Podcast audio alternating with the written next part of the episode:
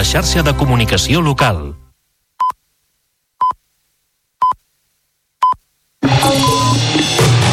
Notícies en xarxa, edició matí.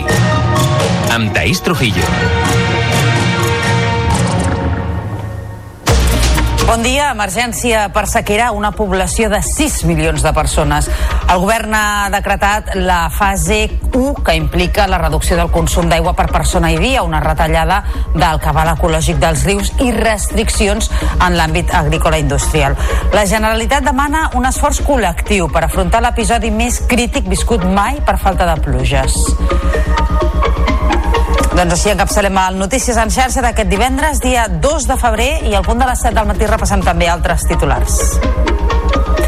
El president del govern espanyol, Pedro Sánchez, assegura que l'actual redactat de la llei d'amnistia ja cobreix tots els independentistes perquè la seva ideologia no és terrorisme. El president de la Generalitat, Pere Aragonès, li ha respost que tampoc són delinqüents i que cal aprovar el text el més aviat possible.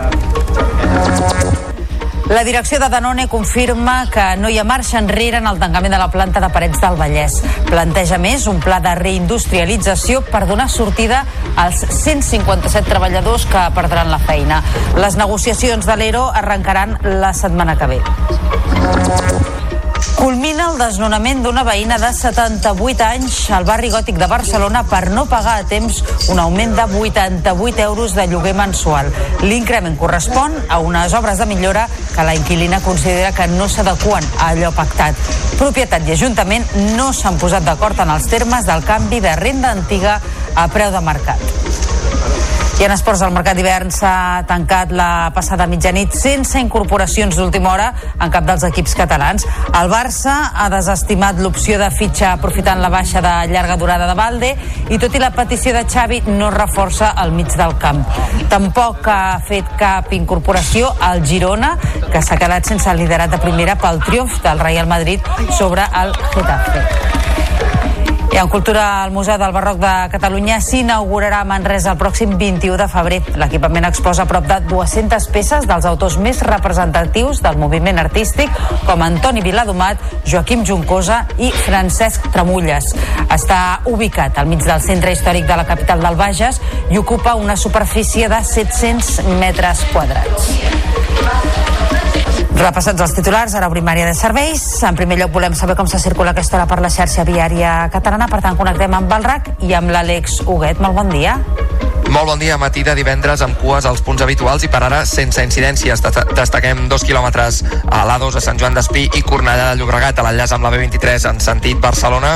L'accés des de la C58 al Nus de la Trinitat en sentit sud, en general menys ple que la resta de la setmana, igual que les rondes que sí que registren aturades en sentit Llobregat. Ara a la litoral hi ha 3 quilòmetres de cua, sobretot pel Fòrum i la Diagonal Mar, i a la ronda de dalt hi ha cues més enllà del Nus de la Trinitat per les sortides de Roquetes i Canyelles, ara durant dos quilòmetres més. És tot des del RAC. Molt bon dia. I ara la previsió del temps. Eh, Lluís Miquel Pérez, molt bon dia. Bon dia, tenim per endavant un divendres i de fet el cap de setmana en el que l'anticicló ha de continuar amb nosaltres, per tant no hi plourà. Sí que aquest matí tenim força núvols i estones amb boira i tot a les comarques de la Catalunya central, també en algunes del sud de Lleida. En canvi, a la resta del país el matí serà més tranquil, una mica ventós, a l'Empordà, a les Terres de l'Ebre i també als cims del Pirineu i un ambient fresquet, però sobretot degut a aquest vent. Aquesta tarda, en canvi, la temperatura serà molt suau, estarem parlant de moltes màximes voltant els 20 graus i encara quedarà algun núvol enganxat cap al Pla de Lleida o l'altiplà central que farà que la temperatura quedi més curta que no pas ahir. El cap de setmana, boires matinals, tardes suaus i força assolellades. Us seguirem a la xarxa. Notícies en xarxa, edició matí. El govern ha decretat la fase 1 d'emergència per sequera a la conca del Ter Llobregat. Això significa que a partir d'ara 6 milions de persones han de reduir més els usos d'aigua per mesos. El president aragonès es mostra convençut que amb l'esforç col·lectiu es superarà la pitjor sequera de la història, tal com es va fer, ha dit, durant la pandèmia. L'executiu està disposat a portar aigua amb vaixells i manté la reducció dels cabals ecològics dels rius. Ens ho explica la Mont Carvajal. El president Pere Aragonès ha agraït l'esforç de tothom fet fins ara perquè ha permès, ha dit, ajornar l'entrada en emergència 15 mesos i s'ha mostrat convençut que es continuarà fent fins a superar-la. Sé que la ciutadania de Catalunya que el teixit productiu, que els ajuntaments, que el govern del país, en aquesta situació d'excepcionalitat, donarem el millor de nosaltres mateixos. Estic convençut que la col·laboració que hem estat portant a terme la intensificarem. N'estic absolutament convençut. Aquest país ha desafiat les dificultats amb col·laboració, amb anticipació i amb un gran esforç col·lectiu. I ara ho tornarem a fer. El rec agrícola es limita a 80%, lo ramader a la meitat i el consum industrial al 25%. L'arbrat públic només es pot regar amb aigua regenerada. Als domicilis cal baixar 200 litres d'aigua per persona i dia. No es pot regar jardins privats ni reomplir piscines privades, només en gimnasos i les d'aigua salada. El conseller d'Acció Climàtica, David Mascort, ha dit que vindran temps vertiginosos si no plou. Ha defensat reduir el capdalt dels rius si cal davant els tribunals, així com portar aigua en vaixells. I segur que trobarem la fórmula perquè si és necessari portar aigua a Barcelona eh, en portem. Eh? I he dit moltes vegades que no és tan rellevant d'on ve, sinó que quan la necessitem la puguem anar a buscar de pressa per portar-la.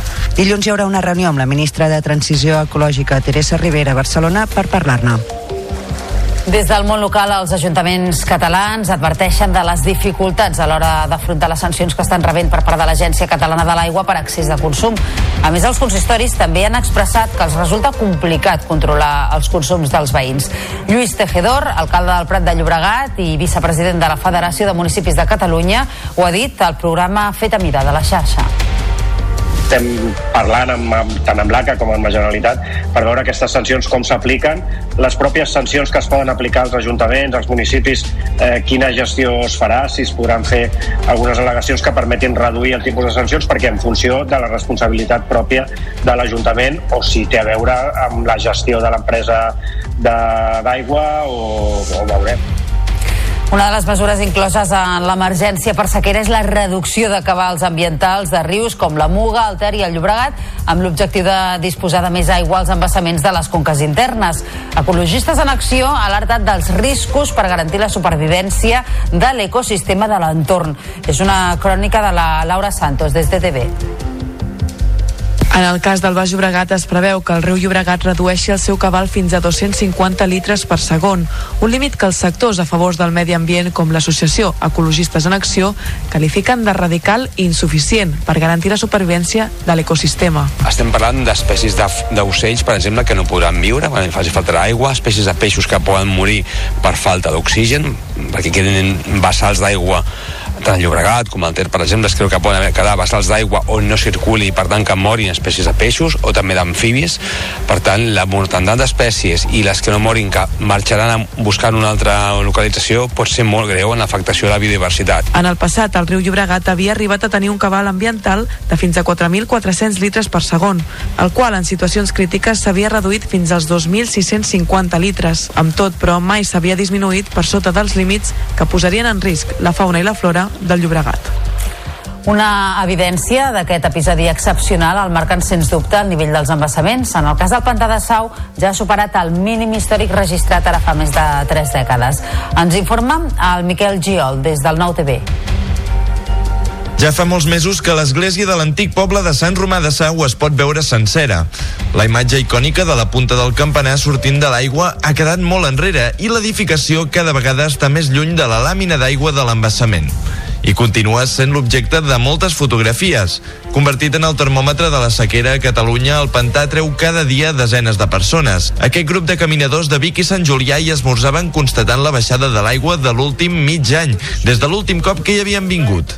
Entre ells hi havia qui recorda Sau abans de quedar colgat per l'aigua. I avui ha tocat venir aquí una altra vegada a veure com està el pantà, que, que per cert estem molt desanimats a veure'l així. Sí, jo de petit havia vingut a peu aquí, jo havia passat, havia vingut a Tabertet i havia passat a peu ja s'havia menjat pomes i tot, i sí, molt bé, molt bé, passàvem pel pont. La sensació és maca perquè veus una altra vegada el que havia sigut, no? I veus que pots tirar fotos i recordes una mica eh? les fotos que havia tirat jo de blanc i negre que canviar les tires en color. Aquest mes de gener, l'embassament de Sau ha batut el seu rècord de mínim històric, que era del 5,77% de capacitat que s'hi va registrar l'any 1990. En aquest context de sequera, Palafrugell, el ple municipal, ha acabat aprovant la construcció d'un hotel a Aigua Xalida enmig de les protestes de Sos Costa Brava. Hi ha votat a favor el govern municipal format per PSC i Som Gent del Poble i també Junts i Vox. Per contra, Esquerra Republicana i Comuns s'hi han oposat al projecte. Segons que ha explicat l'alcalde, Juli Fernández, negociant amb els promotors ha aconseguit reduir el nombre de places del complex hoteler de les 150 habitacions previstes inicialment a les 66 del pla actual. L'entitat ecologista, però, insisteix que cal prohibir-ne la construcció desclassificant el sol.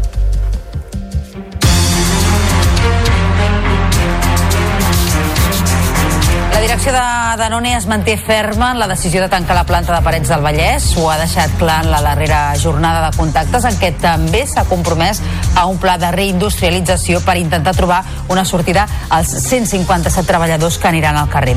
La setmana que ve començaran les negociacions de l'expedient. Ens ho explica en la següent crònica la Guadalupe Caro, des de Vallès Visió.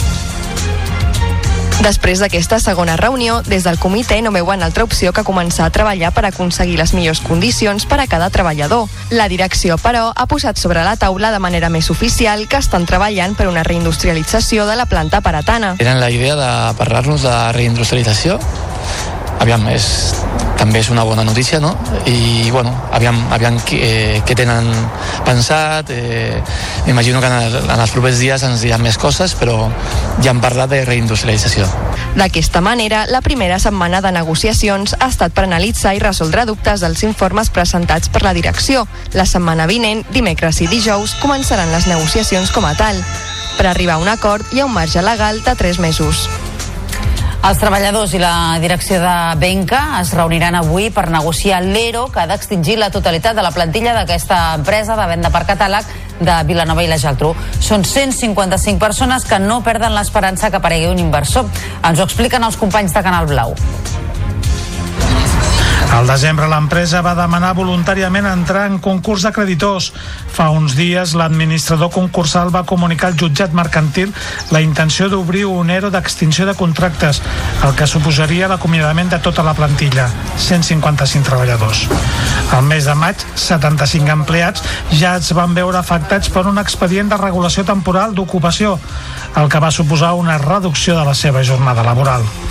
Els treballadors no perden l'esperança que pugui aparèixer una inversió que eviti arribar al tancament de l'empresa. És veritat que la direcció està buscant possibles compradors, al final l'empresa està en subhasta, però clar, és fins al dia 16 de febrer i nosaltres veiem que això és molt curt, per tant, avui per avui és tancament. Que hi hagi un comprador, doncs potser sí, però és potser.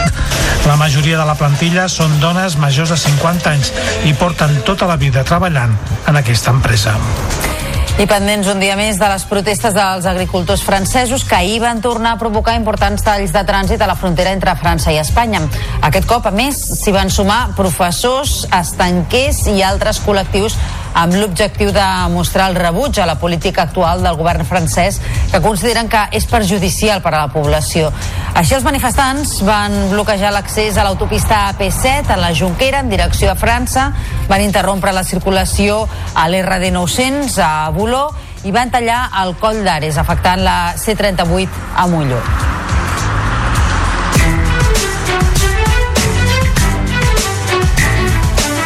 Pràcticament un quart de vuit del matí, falten dos minuts, abordem la plana política per explicar que el president del govern espanyol, Pedro Sánchez, ha assegurat que la llei d'amnistia s'ha d'aprovar perquè serà el pas definitiu pel retrobament amb Catalunya. I s'ha mostrat convençut que, tal i com està redactada, ja cobreix tots els encausats independentistes perquè l'independentisme, ha dit, no és terrorisme.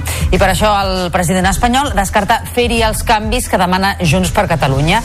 Ho ha dit en una compareixença a Brussel·les després de participar en el Consell Europeu. Bueno, pues como todo el mundo sabe, como todo el mundo sabe, el independentismo catalán no es terrorismo. No lo es. Y por tanto, con este proyecto de ley, yo estoy convencido, y así al final lo van a concluir los tribunales, que van a estar todos los independentistas catalanes amnistiados, porque no son terroristas.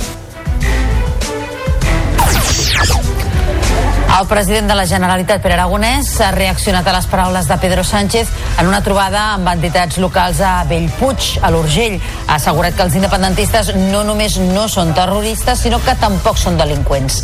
En aquest sentit, ha tornat a demanar urgència per aprovar la llei que ara ha tornat a la Comissió de Justícia.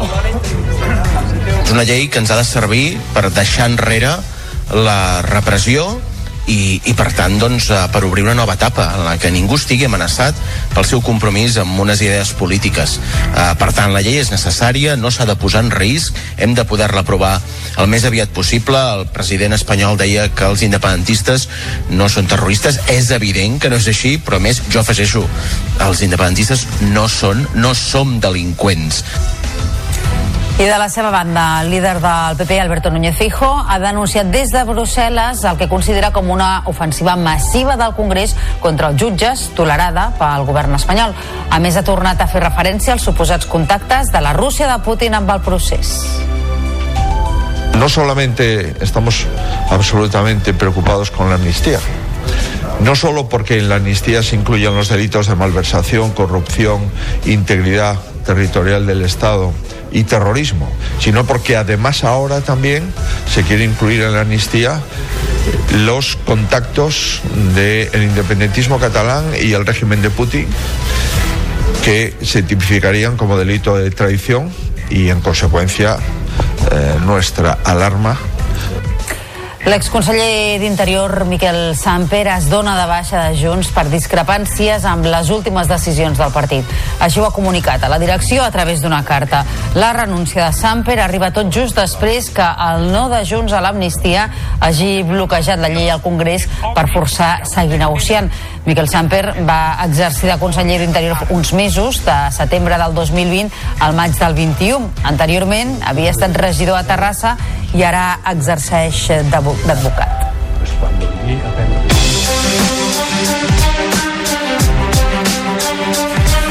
Indignació entre els taxistes per la reunió mantinguda ahir a la seu del Departament de Territori amb la Generalitat, Mossos d'Esquadra, Guàrdia Urbana, el 112 i la MB. Un dels objectius era poder introduir càmeres als vehicles que de moment no es podrà fer. El portaveu d'Elite Taxi, Tito Álvarez, ha explicat que Territori s'ha compromès a fer un estudi de viabilitat amb rapidesa comparant la regulació europea, espanyola i catalana. Álvarez, a més, ha criticat que en els últims 3 anys no s'hagi fet gairebé res, només la introducció introducció per part del 112 d'uns requeriments tècnics que haurien de portar els nous dispositius per connectar amb la policia. El jutjat d'instrucció número 2 de Cornellà de Llobregat ha decretat presó provisional comunicada i sense fiança per al detingut per la mort d'un home al municipi el passat 30 de gener. L'acusen d'un delicte d'homicidi. El cos va aparèixer cremat a dins del maleter d'un cotxe i aquell dia els Mossos en van detenir el presumpte autor. Té 29 anys i tot apunta que coneixia la víctima. Fons properes a la investigació han explicat que es van barallar i, de fet, tant el cadàver com el detingut presentaven indicis d'aquest enfrontament. I ahir van desnonar una veïna de 78 anys al barri gòtic de Barcelona per un impagament inicial de 177 euros.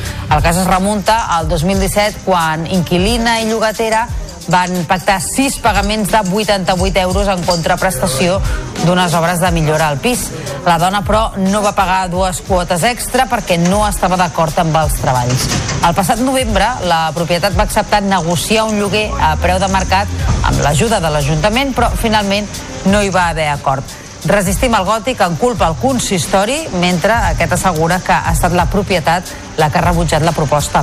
Ara la Blanca Espinosa passa les nits en un hotel fins que es trobi una alternativa. Pues estoy muy mal. No me encuentro bien, tengo muchos ataques de ansiedad y quería pedir a la buena mujer que me dejara quedar al menos unos meses hasta que lo saque las cosas con tranquilidad. Si, y si me quiere dejar, mejor todavía. Yo quisiera que esta mujer me dejara, se le ablandara el corazón y me dejara.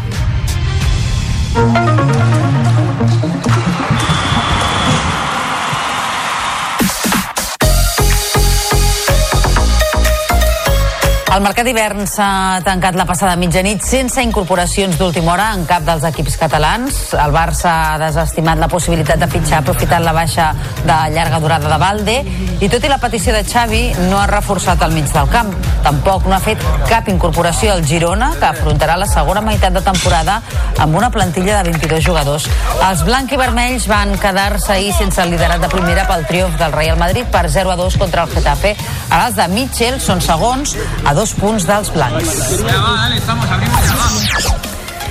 Sí que hi ha hagut moviment. El Barça femení, Asisato Shoala, que acabava contracte al juny, marxa a la Lliga Nord-Americana. Després de cinc temporades a Barcelona, ha fitxat pel Bay de San Francisco fins al 2026. El Barça percebrà pel traspàs 150.000 euros. La davantera nigeriana, designada millor jugadora africana, ha acumulat un total de 14 títols i 117 gols amb l'equip blaugrana.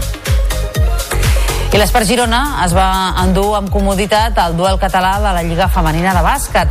Va dominar des de l'inici i es va acabar imposant per un contundent 83 a 56. A la mitja part, l'únic gairebé doblava les urgellenques en el marcador 48 a 25 i la diferència va ser impossible de retallar per a les de Fabián Tellez que encadenen tres derrotes. El triomf manté les gironines fortes en la quarta posició mentre que el Cedis és cinquè per la cua. El darrer equip que s'havia imposat al la seu va ser el Barça Sant Feliuenc que intentarà donar-hi continuïtat amb un triomf aquesta nit sobre el Cué, el Benvibre. Les Blaugrana, terceres per la cua, tindran la baixa de Roseli Silva, intervinguda del lligament entrecreuat anterior del genoll esquerre. El tècnic Isaac Fernández avisa que no serà un partit fàcil bueno, d'aprofitar el que vam fer l'altre dia a camp, de la, a camp de la Seu, és un partit en què hem d'intentar que no se'ns escapi, que no se'ns escapi a casa.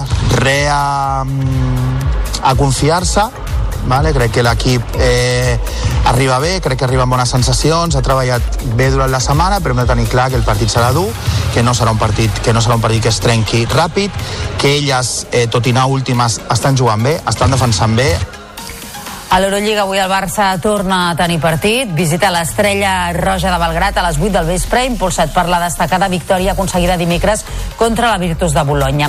Els de Grima buscaran un resultat positiu per mantenir la segona posició a la taula. I a la Lliga Leport, el Força Lleida i el Corunya mesuraran forces aquesta nit. Tots dos equips enllacen una dinàmica guanyadora que es posarà a prova al Barris Nord. Ens amplia la informació des de Lleida Televisió, l'Aleix Vergés. Partidàs a l'Espai Fruita Barris Nord entre els dos equips més en forma ara mateix de l'Aleport. Corunya acumula 7 victòries seguides i és segon a la classificació, mentre que el Lleidatans per la seva banda acumulen 6 triomfs consecutius. Sí, eso es, somos los dos equipos con mejor racha de la liga, sin contar evidentemente la, la Copa Princesa por parte de ellos. Y bueno, muy en forma los dos y, y bien ellos aquí, ¿no? Así que bueno, con ganas de devolverle el partido de la ida. También sabemos que, que en caso de, de, sacarlo, pues nos colocamos ahí en esa zona, en esa zona muy buena, en esa zona de, de competir por, por todo y, y, bueno, tenemos esa ilusión. Un ICG Força Lleida que en els pròxims dos partits a casa rebrà Corunya i Estudiantes, és a dir, els dos primers classificats a la taula. En cas de guanyar, permetria encara mirar més a dalt a la classificació en els de Gerard Encuentra ocupen ara mateix la sisena.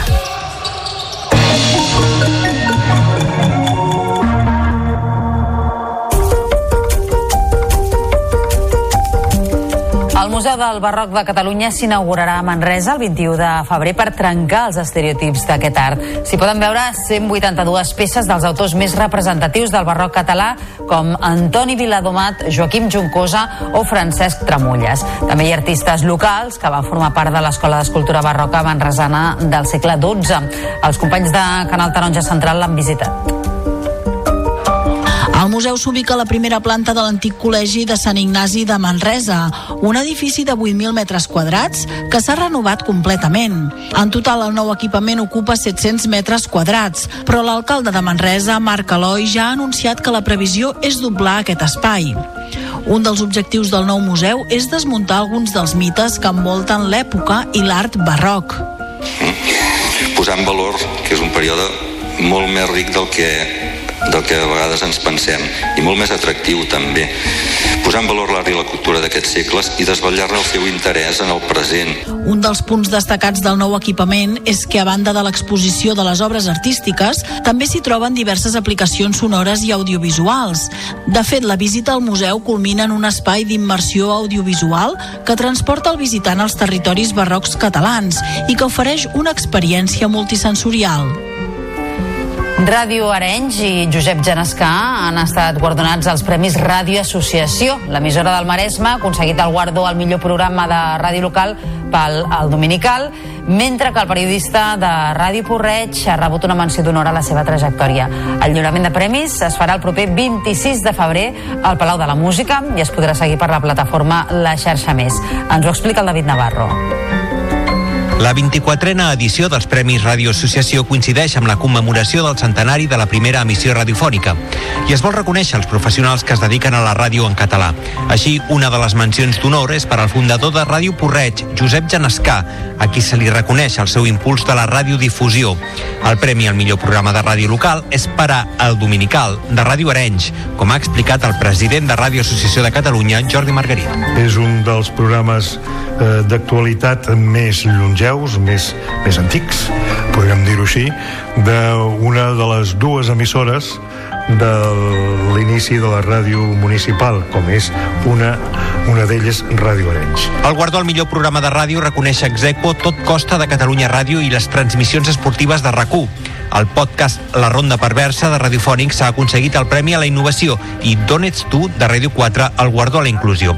La gala del lliurament dels premis i del centenari de la ràdio es farà el proper 26 de febrer al Palau de la Música Catalana i serà retransmesa en directe per les televisions locals a través de la xarxa Més. El Festival Internacional de Màgia Memorial Lixang ja té a punt la seva edició número 24. Aquest cap de setmana arrenca amb la trobada de mags del Centre Comercial Màgic.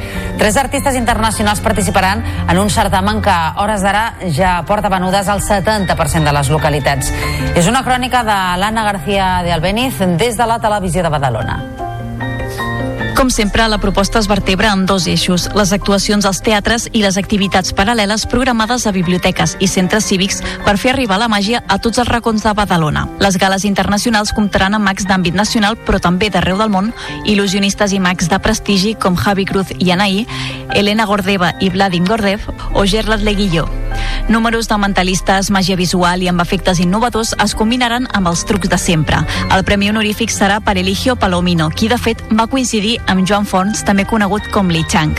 Amb més de 30 anys de trajectòria dalt de l'escenari, el 2010 va fundar la seva pròpia escola de màgia que s'ha convertit en tot un referent en el sector. Molts dels nens i nenes que han anat a aquesta escola, a aquesta escola han rebut guardons, per exemple, hi ha el CESC el Riol, que l'any passat va, actuar a la gala solidària i ja és primer Premi Nacional de Màgia. Però aquest no és l'únic reconeixement, ja que el públic serà l'encarregat d'escollir el millor mag amb el Premi Li Chang. Una altra proposta que inclou el festival és la gala solidària que destinarà un any més la recaptació a Solidarimàgia.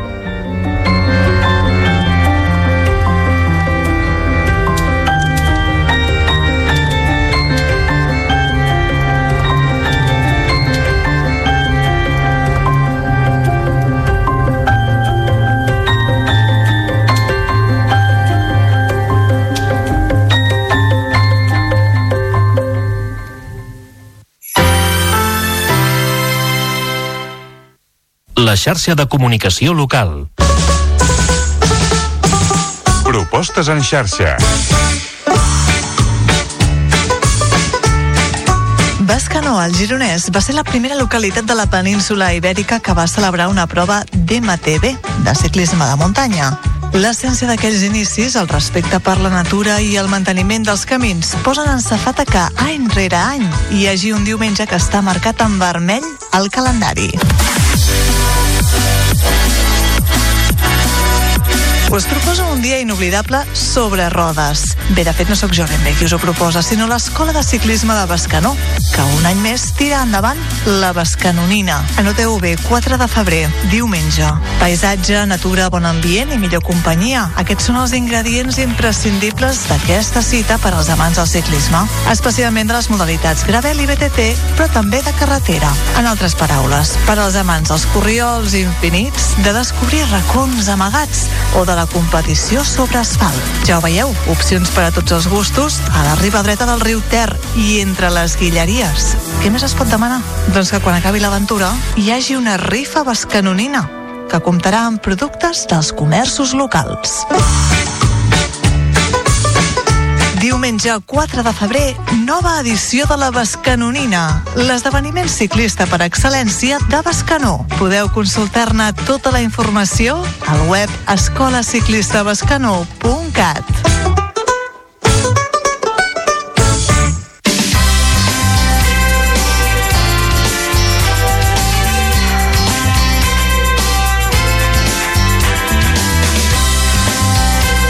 La xarxa de comunicació local.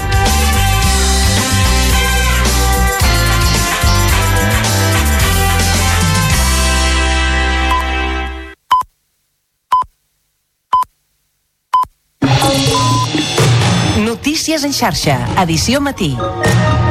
Amb Taís Trujillo.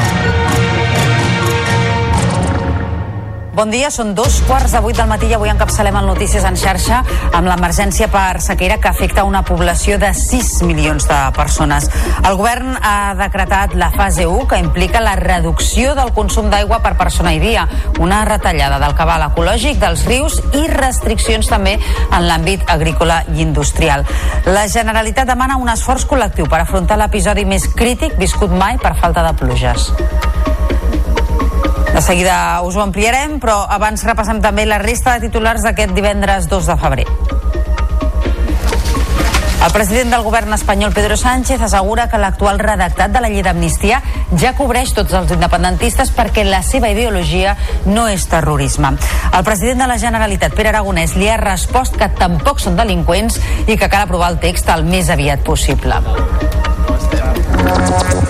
La direcció de Danone confirma que no hi ha marxa enrere en el tancament de la planta de Parets del Vallès. Planteja, a més, un pla de reindustrialització per donar sortida als 157 treballadors que perdran la feina. Les negociacions de l'ERO arrencaran la setmana que ve. Culmina el desnonament d'una veïna de 78 anys al barri gòtic de Barcelona per no pagar a temps un augment de 88 euros de lloguer mensual. L'increment correspon a unes obres de millora que la inquilina considera que no s'adequen a allò pactat. Propietat i Ajuntament no s'han posat d'acord en els termes del canvi de renda antiga a preu de mercat. I en esports del mercat d'hivern s'ha tancat la passada mitjanit sense incorporacions d'última hora en cap dels equips catalans. El Barça ha desestimat l'opció de fitxar aprofitant la baixa de llarga durada de Valde i tot i la petició de Xavi no reforçarà el mig camp. Tampoc no ha fet cap incorporació al Girona, que s'ha quedat sense el liderat de primera pel triomf del Real Madrid sobre el Getafe. I en cultura, el Museu del Barroc de Catalunya s'inaugurarà a Manresa el pròxim 21 de febrer. L'equipament exposa prop de 200 peces dels autors més representatius del moviment artístic, com Antoni Viladomat, Joaquim Juncosa i Francesc Tramulles. Està ubicat al mig del centre històric de la capital del Bages i ocupa una superfície de 700 metres quadrats. I ara obrim plana de serveis, primer amb el trànsit. Segons el RAC, hi ha cues als punts habituals i una incidència a la 2 a Sant Vicenç dels Horts, on s'ha tallat un carril i ja s'acumulen 5 quilòmetres de congestió des de Pallejà. L'enllaç amb la B23 també està afectat a Sant Joan d'Espí cap a Barcelona i l'accés des de la C58 al Nus de la Trinitat, en general menys ple que la resta de la setmana. Les rondes sí que registren aturades en sentit Llobregat. I pel que fa al temps, continuarà l'estabilitat dels últims dies per l'anticicló que hi ha instal·lat a Catalunya i les temperatures seguiran sent moderades tant avui com durant el cap de setmana.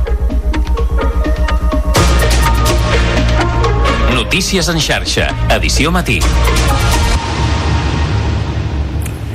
El govern ha decretat la fase 1 d'emergència per sequera a la conca del Ter Llobregat. Això significa que a partir d'ara 6 milions de persones han de reduir més els usos d'aigua permesos. El president aragonès es mostra convençut que amb l'esforç col·lectiu es superarà la pitjor sequera de la història tal com es va fer, ha dit, durant la pandèmia. L'executiu està disposat a portar aigua amb vaixells i manté la reducció dels cabals ecològics dels rius.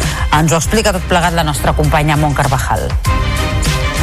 El president Pere Aragonès ha agraït l'esforç de tothom fet fins ara perquè ha permès, ha dit, ajornar l'entrada en emergència 15 mesos i s'ha mostrat convençut que es continuarà fent fins a superar-la. Sé que la ciutadania de Catalunya, que el teixit productiu, que els ajuntaments, que el govern del país, en aquesta situació d'excepcionalitat, donarem el millor de nosaltres mateixos. Estic convençut que la col·laboració que hem estat portant a terme la intensificarem. N'estic absolutament convençut. Aquest país ha desafiat les dificultats amb col·laboració, amb anticipació i amb un gran esforç col·lectiu. I ara ho tornarem a fer. El rec agrícola es limita a 80%, lo ramader a la meitat i el consum industrial al 25%. L'arbrat públic només es pot regar amb aigua regenerada. Als domicilis cal baixar 200 litres d'aigua per persona i dia. No es pot regar jardins privats ni reomplir piscines privades, només en gimnasos i les d'aigua salada. El conseller d'Acció Climàtica, David Mascort, ha dit que vindran temps vertiginosos si no plou. Ha defensat reduir el capdalt dels rius si cal davant els tribunals, així com portar aigua en vaixells. I segur que trobarem la fórmula perquè si és necessari portar aigua a Barcelona, eh, en portem. Eh? I he dit moltes vegades que no és tan rellevant d'on ve, sinó que quan la necessitem la puguem anar a buscar de pressa per portar-la. Dilluns hi haurà una reunió amb la ministra de Transició Ecològica, Teresa Rivera, a Barcelona, per parlar-ne. Mentrestant, el president de la Cambra de Comerç de Barcelona, Josep Santacreu, ha lamentat la manca d'inversions de les administracions per fer front a la sequera. Considera que el govern no ha pres la lliçó i assegura que calen tant solucions d'urgència com també altres més estructurals i a llarg termini per tal de no repetir errors hem d'abordar els consums, revisar el model d'indústria, el model d'agrícola, això exigirà òbviament inversions i plantejaments diferents en, en molts àmbits i són temes a mig llarg termini que s'han d'apoyar amb valentia com s'ha d'apoyar el tema de la infraestructura, les interconnexions, la modernització dels sistemes perquè no hi hagi aquestes pèrdues tan grans. Coincidint amb la declaració d'emergència per sequera al sistema Ter Llobregat, organitzacions veïnals, socials i ambientals agrupades sota la campanya D'on no n'hi ha no en raja, van pujar ahir a Montjuïc per tal de mostrar una panoràmica de Barcelona, que és la segona ciutat més gran d'Espanya en nombre d'habitants. El col·lectiu ha volgut advertir a tota la ciutadania que la sequera, a més de ser un efecte del canvi climàtic, depèn també i en bona part de la gestió de l'aigua. Fernando Fernández és el portaveu de la campanya. Que esta sequía que estamos sufriendo actualmente no tiene solo que ver con cambio climático y con falta de lluvias, que también, sino con una mala gestión. Estamos en un contexto en el que necesitamos cambiar la manera en la cual gestionamos el agua que tenemos. Actualmente toda la política hídrica de, de- este país está orientada a dar agua a todo aquel que la pide, en el sentido de que alimentamos constantemente una vorágine de crecimiento económico amparado básicamente en un consumo de agua que no tenemos. Una evidència d'aquest episodi excepcional el marquen, sens dubte, el nivell dels embassaments. En el cas del pantà de Sau ja ha superat el mínim històric registrat ara fa més de 3 dècades. Ens informa el Miquel Giol, des del Nou TV. Ja fa molts mesos que l'església de l'antic poble de Sant Romà de Sau es pot veure sencera. La imatge icònica de la punta del campanar sortint de l'aigua ha quedat molt enrere i l'edificació cada vegada està més lluny de la làmina d'aigua de l'embassament. I continua sent l'objecte de moltes fotografies. Convertit en el termòmetre de la sequera a Catalunya, el pantà treu cada dia desenes de persones. Aquest grup de caminadors de Vic i Sant Julià hi esmorzaven constatant la baixada de l'aigua de l'últim mig any, des de l'últim cop que hi havien vingut. Entre ells hi havia qui recorda Sau abans de quedar colgat per l'aigua. I avui ha tocat venir aquí una altra vegada a veure com està el pantà, que, que per cert estem molt desanimats a veure'l així. Sí, jo de petit havia vingut a peu aquí, jo havia passat, havia vingut a Tabertet i havia passat a peu. Ja s'havia menjat pomes i tot, i sí, molt bé, molt bé, passàvem pel pont. La sensació és maca perquè veus una altra vegada el que havia sigut, no? I veus que pots tirar fotos i recordes una mica les fotos que havia tirat jo de blanc i negre que canviar les tires en color. Aquest mes de gener, l'embassament de Sau ha batut el seu rècord de mínim històric, que era del 5,77% de capacitat que s'hi va registrar en l'any 1990.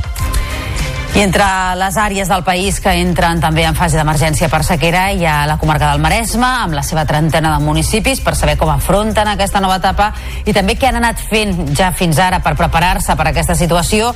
Establim connexió a aquesta hora amb Francesc Alemany, que és el president del Consell Comarcal del Maresme i que també és alcalde de Palafull. Senyor Alemany, molt bon dia. Hola, molt bon dia. Com encaixen vostès aquesta fase d'emergència al Maresme? Doncs, eh, primer, amb molta responsabilitat, donat que tot el que cal fer eh, segurament s'hauria d'haver fet abans aquesta és una, una, una situació que hauríem d'entomar tots plegats no? i segon amb, amb molta diligència perquè hi ha tot, una, hi ha tot un, projecte eh, un pla de, de sequera que hem de desenvolupar i, i això eh, tenim molta pressa Uh -huh. um, el Maresme està considerada una comarca molt vulnerable en la qüestió de l'aigua. Expliqui'ns perquè això ho diu un informe d'estratègia de transició energètica i acció climàtica de la Diputació de Barcelona que parla d'aquesta vulnerabilitat, d'aquesta feblesa. Expliqui'ns en què consisteix. Bé, el Maresme és una, és una comarca que en aquest sentit té, té una combinació complicada a nivell de, de, de dependència de, de recurs hídric. Tothom té dependència de recurs hídric, eh? però el Maresme és una, una comarca que per començar té mig milió d'habitants, per tant és mig milió de boques que cal, que cal alimentar-ne, Eh, després tenim clar, un, una sèrie de sectors eh, molt potents a nivell econòmic que són altament consumidors d'aigua. Tenim des d'un de, eh, des d'un sector turístic eh, molt desenvolupat, tota la costa del Maresme oest, no? I, i, i estem a tocar evidentment de la costa Brava Sud que també estira del mateix recurs. Eh, tenim també un, uns polígons industrials eh, també molt importants a tota la comarca eh, i, i el que no és menor també tenim una, una pagesia no? per, per exemple a, a, a la Baixa Conca de Tordera tenim una pagesia d'horta també molt potent a altres llocs de la comarca també a Mataró a, i per tant també són consumidors d'aigua eh, de manera eh, intensiva aquesta combinació de factors eh, fa que el Maresme i, i també la poca disponibilitat o la poca capacitat de, de, de poder construir eh, embassaments en una comarca que està a tocar del mar no? i amb una, amb una serrada litoral que també eh, impedeix aquesta circumstància fa que sí que estiguem molt exposats en aquesta circumstància i que encara sigui més important tots la, totes eh, els projectes que tenim per poder eh, utilitzar o reutilitzar aquesta aigua regenerada per tal de ser més eficients eh, amb aquest recurs. Ara ens toca a tots reduir el consum d'aigua. Aquestes eh, 500.000 persones que viuen a la comarca del Maresme, vostès pensen que han de ser els ajuntaments els que controlin que no accedeixen al seu consum de 200 eh, litres per habitant i dia? Aquesta és una discussió bastant eh, eh, que no aporta massa res. És a dir, qui controli o qui no hagi de controlar, els ajuntaments estan molt acostumats a ser la primera línia de combat, a la trinxera que diríem, l'accés al, al servei a la ciutadania. Uh, si, els, si els ajuntaments tenen les eines uh, que han de tenir, uh, poden fer aquesta tasca. No és senzilla, eh, és més important eh, des del nostre punt de vista anar coordinats tots plegats que no hi hagi la, la, la percepció o, o, o aquella circumstància tan poc aconsellable de la guerra cadascú per la seva banda. Eh, i per tant coordinar-nos eh, entre tots plegats és més important que no pas eh, qui ha de fer o qui no ha de fer aquesta tasca de, de, de fiscalització que és desagradable però que, que potser acompanyada d'una bona campanya de sensibilització eh, serà més senzill de, de poder posar-s'ho a la taula doncs eh, n'anirem parlant. Francesc Alemany, president del Consell Comarcal del Maresme i també alcalde de Palafolls. Gràcies per atendre'ns avui al Notícies en xarxa. Molt bon dia. Moltes gràcies a vosaltres. Adéu. Notícies en xarxa. Tota la informació al teu abast.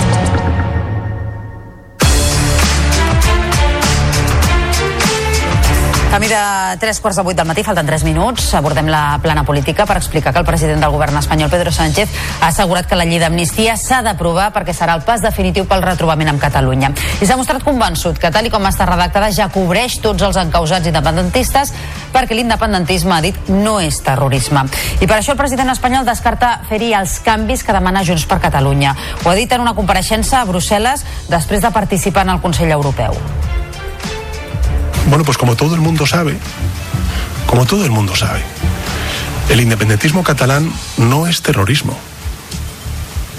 No lo es. Y por tanto, con este proyecto de ley, yo estoy convencido, y así al final lo van a concluir los tribunales, que van a estar todos los independentistas catalanes amnistiados, porque no son terroristas. I el president de la Generalitat, Pere Aragonès, ha reaccionat a les paraules de Pedro Sánchez en una trobada amb entitats locals a Bellpuig, a l'Urgell. Ha assegurat que els independentistes no només no són terroristes, sinó que tampoc són delinqüents. En aquest sentit, ha tornat a demanar urgència per aprovar la llei que ara ha tornat a la Comissió de Justícia. És una llei que ens ha de servir per deixar enrere la repressió i, i per tant doncs, eh, per obrir una nova etapa en la que ningú estigui amenaçat pel seu compromís amb unes idees polítiques. Uh, per tant la llei és necessària no s'ha de posar en risc hem de poder-la aprovar el més aviat possible. El president espanyol deia que els independentistes no són terroristes. És evident que no és així però més jo afegeixo els independentistes no són no som delinqüents i de la seva banda, el líder del PP, Alberto Núñez Feijó, ha denunciat des de Brussel·les el que considera com una ofensiva massiva del Congrés contra els jutges, eh, tolerada pel govern espanyol. A més, ha tornat a fer referència als suposats contactes de la Rússia de Putin amb el procés. No solamente estamos absolutamente preocupados con la amnistía, no solo porque en la amnistía se incluyen los delitos de malversación, corrupción, integridad territorial del Estado y terrorismo, sino porque además ahora también se quiere incluir en la amnistía los contactos del independentismo catalán y el régimen de Putin que se tipificarían como delito de traición y en consecuencia eh, nuestra alarma L'exconseller d'Interior Miquel Samper es dona de baixa de Junts per discrepàncies amb les últimes decisions del partit. Així ho ha comunicat a la direcció a través d'una carta. La renúncia de Samper arriba tot just després del no de Junts a l'amnistia que ha bloquejat la llei al Congrés per forçar a seguir negociant. Miquel Samper va exercir de conseller d'Interior uns mesos, de setembre del 2020 fins al maig del 2021. Anteriorment havia estat regidor a Terrassa i ara treballa com a advocat.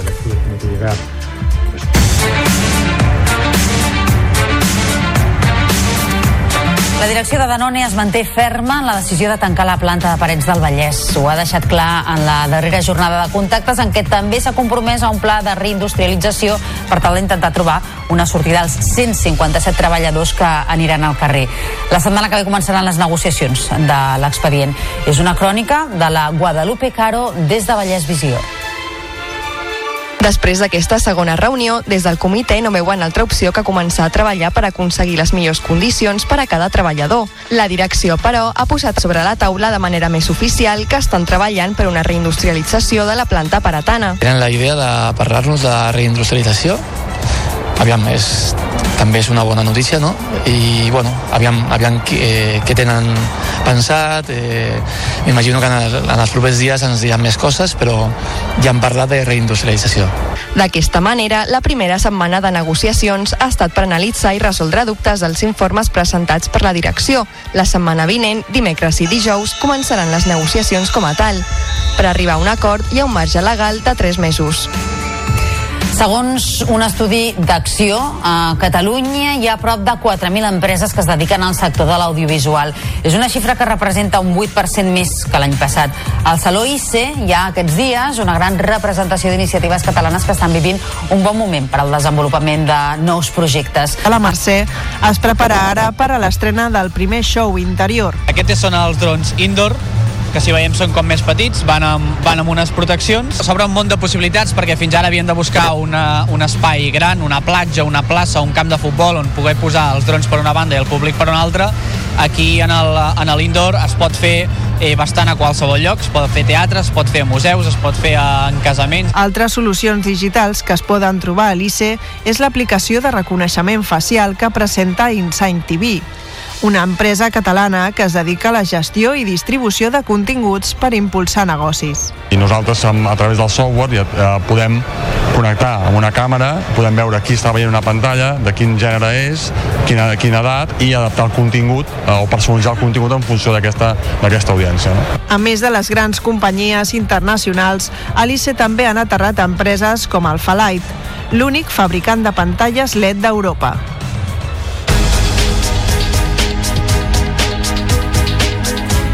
Indignació entre els taxistes per la reunió mantinguda ahir a la, a la tarda a la seu del Departament de Territori amb la Generalitat, els Mossos d'Esquadra, la Guàrdia Urbana, el 112 i la MB.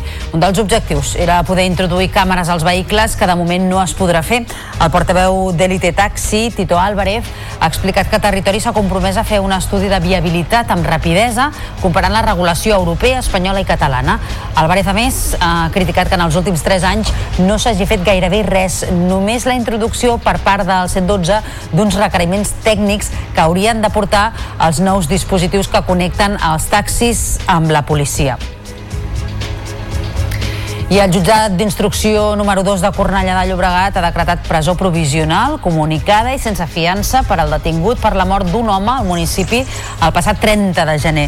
L'acusen d'un delicte d'homicidi. El cos va aparèixer cremat a dins del maleter d'un cotxe i aquell mateix dia els Mossos en van detenir el presumpte autor. Té 29 anys i tot apunta a que coneixia la víctima. Fons properes a la investigació han explicat que es va embarallar i, de fet, tant el cadàver com el detingut presentaven indicis d'aquest enfrontament. I ahir van desnonar una veïna de 78 anys al barri gòtic de Barcelona per un impagament inicial de 177 euros. El cas es remunta al 2017, quan inquilina i llogatera van pactar sis pagaments de 88 euros en contraprestació d'unes obres de millora al pis.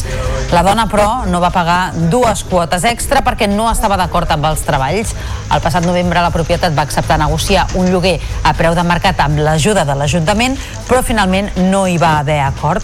Resistim al gòtic en culpa al consistori, mentre que aquest assegura que ha estat la propietat la que ha rebutjat la proposta. Ara la Blanca Espinosa passa les nits en un hotel fins que es trobi una alternativa. Pues estoy muy mal. No me encuentro bien, tengo muchos ataques de ansiedad y quería pedir a la buena mujer que me dejara quedar al menos unos meses hasta que lo saque las cosas con tranquilidad. Si y si me quiere dejar mejor todavía. Yo quisiera que esta mujer me dejara, se le ablandara el corazón y me dejara.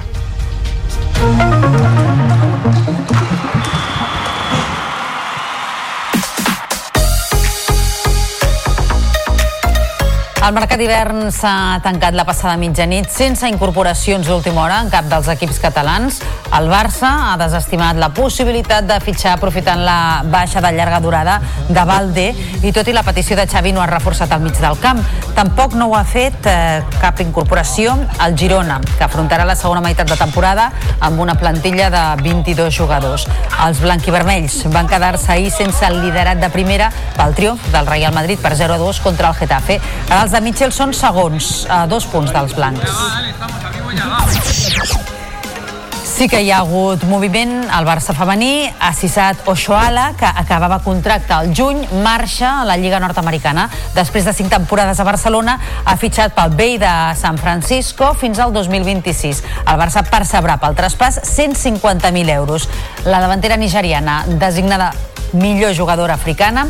Ha acumulat un total de 14 títols i 117 gols amb l'equip blaurana. I l'Espart Girona es va endur amb comoditat el duel català de la Lliga Femenina de Bàsquet. Va dominar des de l'inici i es va acabar imposant per un contundent 83 a 56.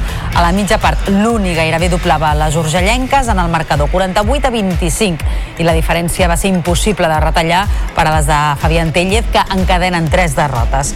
El triomf manté les gironines fortes en la quarta posició, mentre que el Cedis és cinquè per la cua. I a l'Eurolliga avui el Barça torna a tenir partit. Visita l'estrella roja de Belgrat a les 8 del vespre, impulsat per la destacada victòria aconseguida dimecres contra la Virtus de Bologna. Els de Grimau buscaran un resultat positiu per mantenir la segona posició a la taula.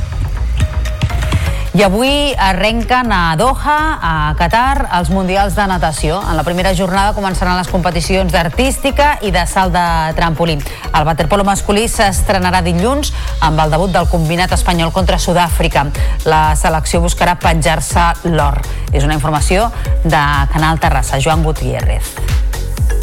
Álvaro Granados i Bernat Sanauja es van proclamar fa uns dies a Zagreb campions d'Europa amb la selecció espanyola, però no en tenen prou i ara volen l'or al Mundial de Doha, després del gust amarg pel bronze assolit a Fukuoka el passat estiu. Tot i que els dos agarencs ja tenen un campionat del món, el de Budapest del 2022, busquen ara pujar de nou al grau més alt del podi. No els frenarà ni el fet d'haver assolit ja el bitllet pels Jocs Olímpics de París. Tenim una responsabilitat com a grup i ens tenim un respecte a nosaltres mateixos que, que ens fa uh, voler guanyar aquest Mundial, tot i que estem classificats, tot i que hem fet una bona competició anteriorment. Inevitablement portem molt, molt, bueno, molts anys, uns 6, 6 anys sent el rival a batre. Espanya s'ha guanyat en els últims anys sempre ser un, un dels grans candidats a, a emportar-se el títol. No, no sé si el gran favorit, però està clar que, que som un dels, dels que estarem lluitant per ell. Espanya farà el debut el proper dilluns enfrontant-se amb Sud-àfrica, el rival de menys entitat. La primera plaça de grup se la jugarà precisament contra Croàcia, qui va derrotar en la final de l'Europeu amb l'objectiu de tenir un camí més plàcid en els encreuaments. El Barça de Futbol Sala ha renovat el porter Didac Plana fins al 2028. El d'Arenys de Mar, de 33 anys i una de les peces clau dels de Jesús Velasco, acabava contracte a final de temporada. Didac, que compleix la sisena temporada al primer equip en dues etapes, es mostra feliç per haver tancat la continuïtat. Quatre anys més al Barça per mi és un èxit, uh, un èxit a la meva carrera, a, a tota la trajectòria. Al final, des de que sóc petit, doncs, el meu projecte de vida està una mica vinculat a, a formar part d'aquest club i, i sobretot doncs, a, a aconseguir estar al, al màxim nivell que és, és aquí i, i la veritat és que molt content de, de poder continuar els pròxims 4 anys.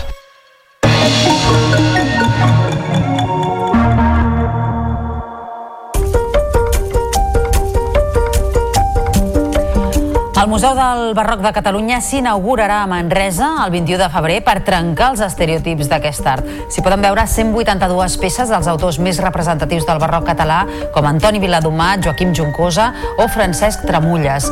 També hi ha artistes locals que van formar part de l'Escola d'Escultura Barroca Manresana del segle XII. Els companys de Canal Taronja Central ja l'han visitat. El museu s'ubica a la primera planta de l'antic col·legi de Sant Ignasi de Manresa, un edifici de 8.000 metres quadrats que s'ha renovat completament. En total, el nou equipament ocupa 700 metres quadrats, però l'alcalde de Manresa, Marc Eloi, ja ha anunciat que la previsió és doblar aquest espai. Un dels objectius del nou museu és desmuntar alguns dels mites que envolten l'època i l'art barroc. Posar en valor que és un període molt més ric del que del que a vegades ens pensem i molt més atractiu també posar en valor l'art i la cultura d'aquests segles i desvetllar-ne el seu interès en el present. Un dels punts destacats del nou equipament és que a banda de l'exposició de les obres artístiques, també s'hi troben diverses aplicacions sonores i audiovisuals. De fet, la visita al museu culmina en un espai d'immersió audiovisual que transporta el visitant als territoris barrocs catalans i que ofereix una experiència multisensorial. Ràdio Arenys i Josep Janescà han estat guardonats als Premis Ràdio Associació. L'emissora del Maresme ha aconseguit el guardó al millor programa de ràdio local per al Dominical, mentre que el periodista de Ràdio Por Porreig ha rebut una menció d'honor a la seva trajectòria. El lliurament de premis es farà el proper 26 de febrer al Palau de la Música i es podrà seguir per les televisions locals i per la plataforma de streaming La Xarxa Més. Els dos premiats reivindicaven els micròfons de la xarxa a periodisme local és un premi a la comunicació local. Per què no? Perquè la, la ràdio local, en el seu moment, als anys 80 i, i una mica abans, van ser pioners en, també en aquesta nova etapa de la comunicació a Catalunya. Estic molt il·lusionat i, i honorat perquè m'hagin concedit aquesta, aquest reconeixement que, insisteixo, és per mi però és per tot el meu equip és pels oients i per la pròpia emissora local. Jo crec que és un reconeixement a la feina que fem des de les uh, ràdios locals.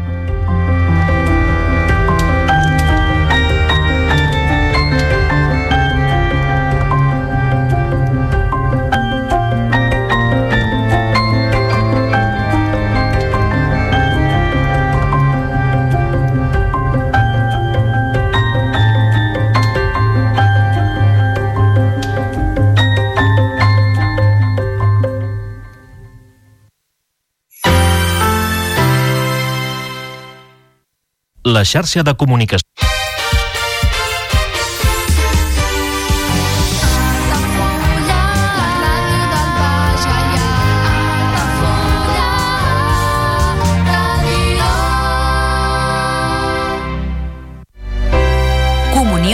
2024. Dates ja disponibles amb sales privades, jardí, pàrquing privat i la millor gastronomia. Més informació i reserves al 977 65 11 55 i a comercial arroba altafullamarotel.com o al web altafullamarotel.com. Les teves celebracions familiars a l'Altafulla Mar Hotel. La pilota torna a rodar i el centre d'Esports Altafulla juga una temporada més a Altafulla Ràdio. Els groc i negre reben el filial de la Unió Esportiva Baix en el primer partit de la segona volta al Joan Pijuan per intentar fer bo el punt obtingut a Baimoi amb la cinquena plaça a l'horitzó. Aquest dissabte a partir de les 5 de la tarda segueix el partit en directe a través del 107.4 de la freqüència modulada, al web 3 w altafullaradio.cat, l'aplicació per a dispositius mòbils o la televisió digital terrestre. El futbol més modest sona Altafulla Ràdio.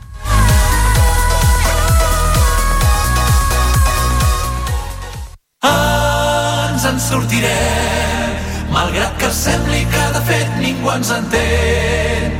Mentre quedi algú d'en peus que hi confiï cegament, m'has de creure si et dic que ens en sortirem.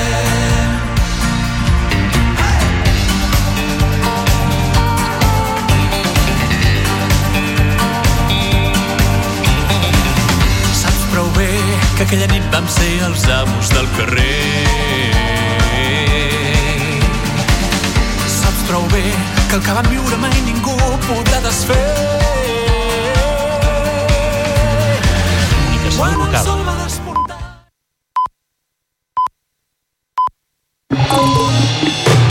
Notícies en xarxa, edició matí. Amb Taís Trujillo.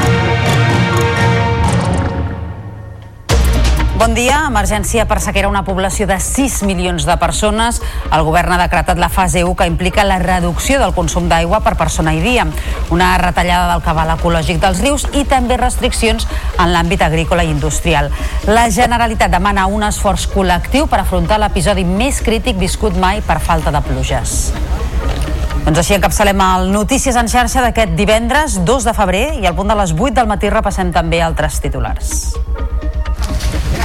El president del govern espanyol, Pedro Sánchez, assegura que l'actual redactat de la llei d'amnistia ja cobreix tots els independentistes perquè la seva ideologia no és terrorisme.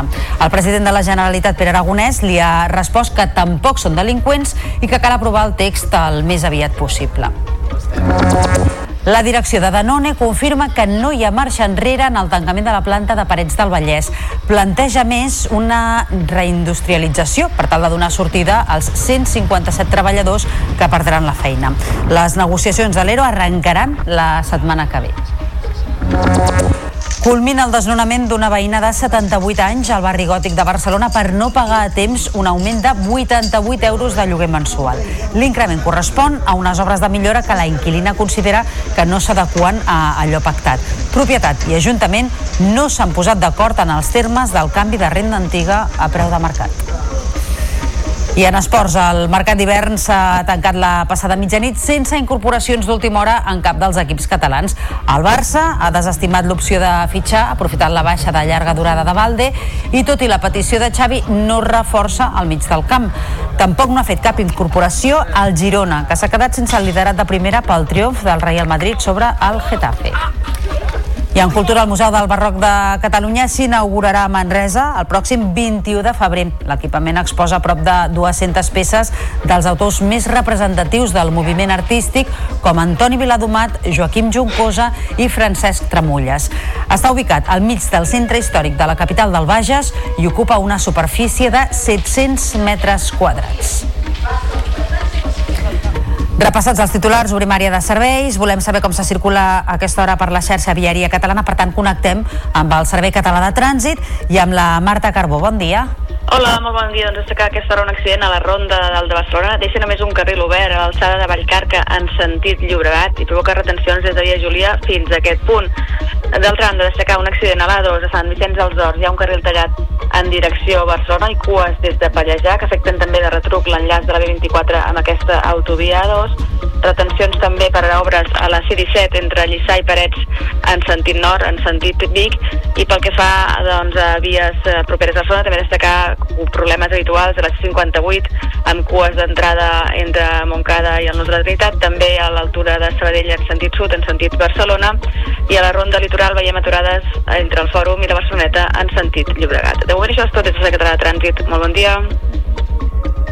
I tanquem portada amb la previsió del temps. Eh, Lluís Miquel Pérez, molt bon dia. L'hivern continua desaparegut, eh?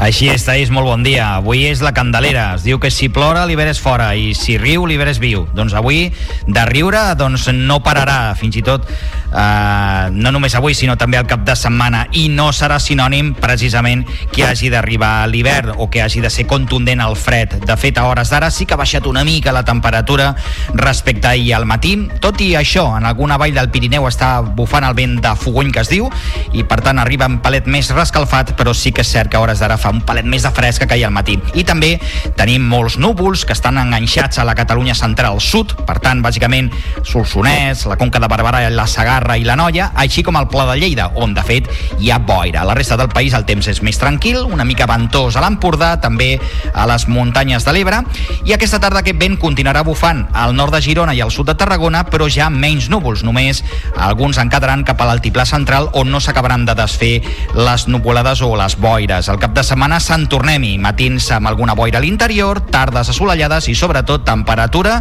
que serà del mes d'abril. Gens de candelera ni res que se li assembli. N'estarem pendents a la xarxa.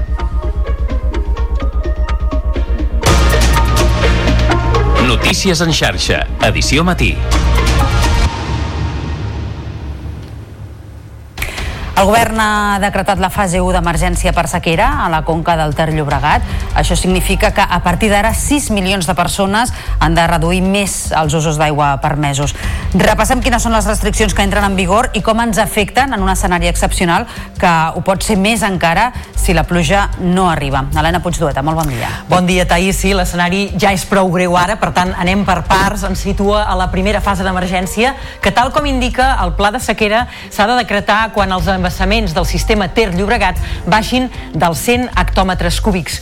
Un escenari que ja van assolir, que de fet ja vam assolir dilluns. Avui les reserves han continuat baixant i se situen als 99,46 hectòmetres. Això és un 16,25% del total de la seva capacitat.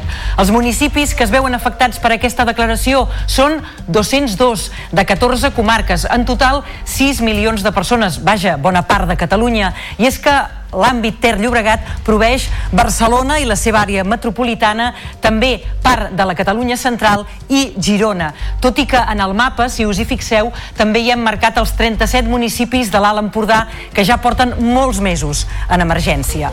Però què implica la fase 1 de l'emergència? Implica d'entrada limitar fins als 200 litres el consum màxim per persona cada dia i com ho quantifiquem? De fet, jo penso que si us posem un parell d'exemples ens serà molt més fàcil visualitzar-ho. Segons càlculs de l'ACA, cada minut amb l'aixeta oberta gastem més de 7 litres d'aigua. Partint, doncs, d'aquesta premissa, amb una dutxa curta de 5 minuts ja consumim 35 litres d'aigua. Fent una rentadora gastarem entre 40 i 170 litres en funció del programa i de si es tracta d'una eh, doncs, rentadora de consum baix o no.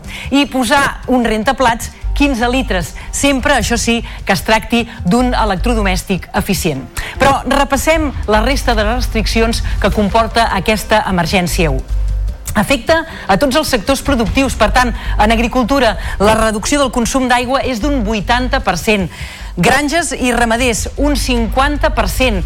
I el, el, pel que fa a la indústria i els usos recreatius, el que han d'estalviar és un 25%.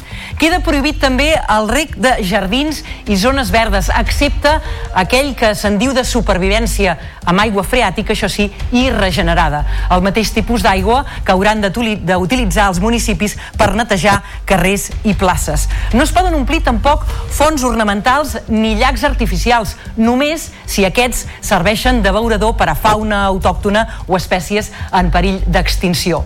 Recordar-vos també que la neteja dels vehicles només està permesa en els establiments comercials. Prohibidíssim, està claríssim, reomplir piscines, excepte en les entitats esportives adherides al registre de la Generalitat i, a més a més, amb condicionants. Clubs esportius que alhora hauran de limitar el rec a l'aigua freàtica o regenerada. I abans d'acabar, Taís, tenir present que els ajuntaments, a través dels seus plans d'emergència, encara poden establir més limitacions o prohibicions addicionals. Si ho fan, les anirem explicant. Gràcies, Helena. Vinga. Que vagi bé. I nosaltres encara parlant d'aquesta qüestió eh, de la sequera, us afegim ara que el president Pere Aragonès ha agraït l'esforç de tothom que han fet fins ara els ciutadans, diu, perquè ha permès ajornar l'entrada en emergència a 15 mesos. I s'ha mostrat convençut que es continuarà fent fins a superar aquesta sequera. Sé que la ciutadania de Catalunya, que el teixit productiu, que els ajuntaments, que el govern del país, en aquesta situació d'excepcionalitat, donarem el millor de nosaltres mateixos. Estic convençut que la col·laboració que hem estat portant a terme la intensificarem.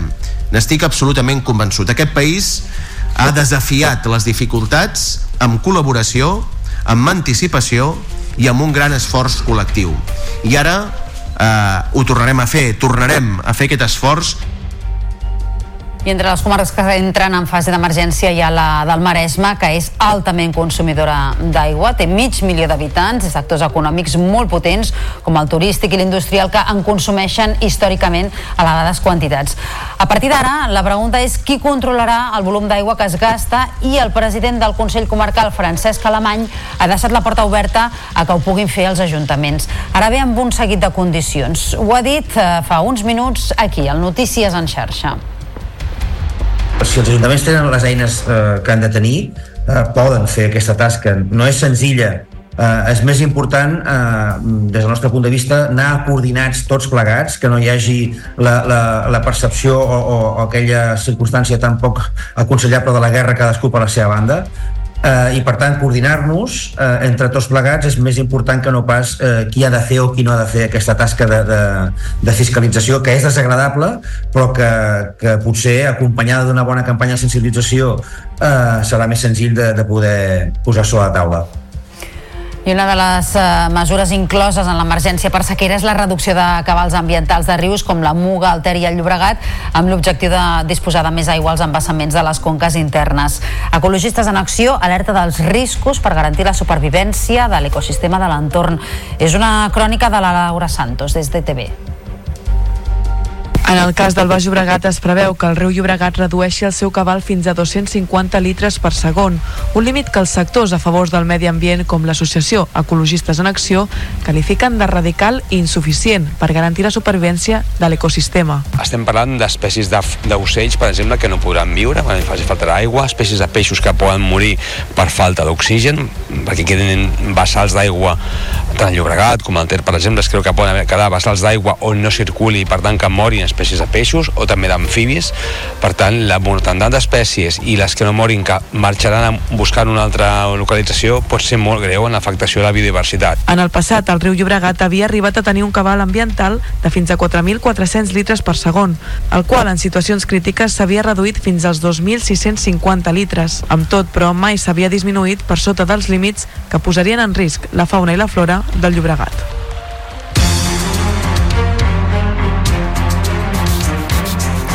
La direcció de Danone es manté ferma en la decisió de tancar la planta de Parets del Vallès. Ho ha deixat clar en la darrera jornada de contactes, en què també s'ha compromès a un pla de reindustrialització per intentar trobar una sortida als 157 treballadors que aniran al carrer.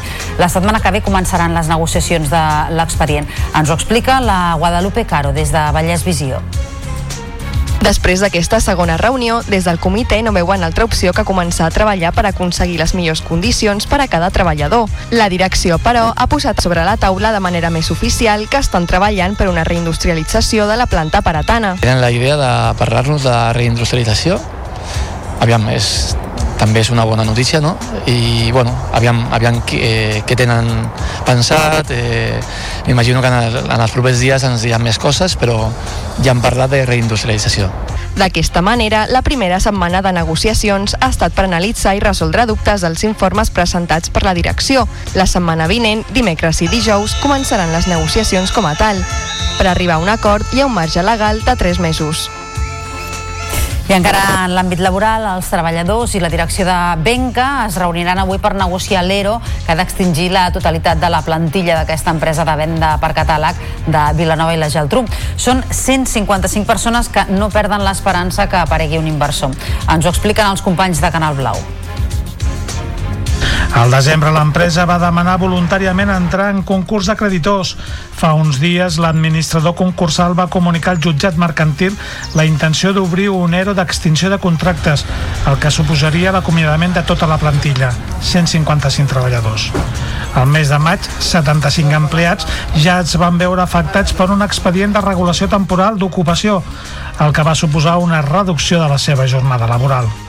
Els treballadors no perden l'esperança que pugui aparèixer una inversió que eviti arribar al tancament de l'empresa. És veritat que la direcció està buscant possibles compradors, al final l'empresa està en subhasta, però clar, és fins al dia 16 de febrer i nosaltres veiem que això és molt curt, per tant, avui per avui és tancament. Que hi hagi un comprador, doncs potser sí, però és potser. La majoria de la plantilla són dones majors de 50 anys i porten tota la vida treballant en aquesta empresa. I pendents un dia més de les protestes dels agricultors francesos que ahir van tornar a provocar importants talls de trànsit a la frontera entre França i Espanya. Aquest cop a més s'hi van sumar professors, estanquers i altres col·lectius amb l'objectiu de mostrar el rebuig a la política actual del govern francès que consideren que és perjudicial per a la població. Així els manifestants van bloquejar l'accés a l'autopista AP7 a la Junquera en direcció a França, van interrompre la circulació a l'RD 900 a Boló i van tallar el coll d'Ares afectant també la C38 a Molló.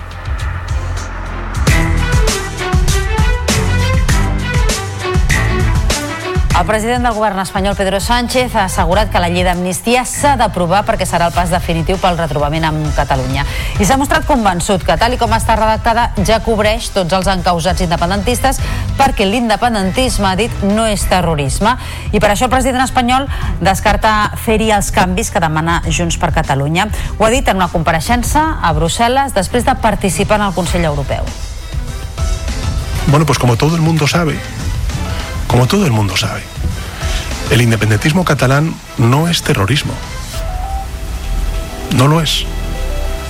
Y por tanto, con este proyecto de ley, yo estoy convencido, y así al final lo van a concluir los tribunales, que van a estar todos los independentistas catalanes amnistiados, porque no son terroristas.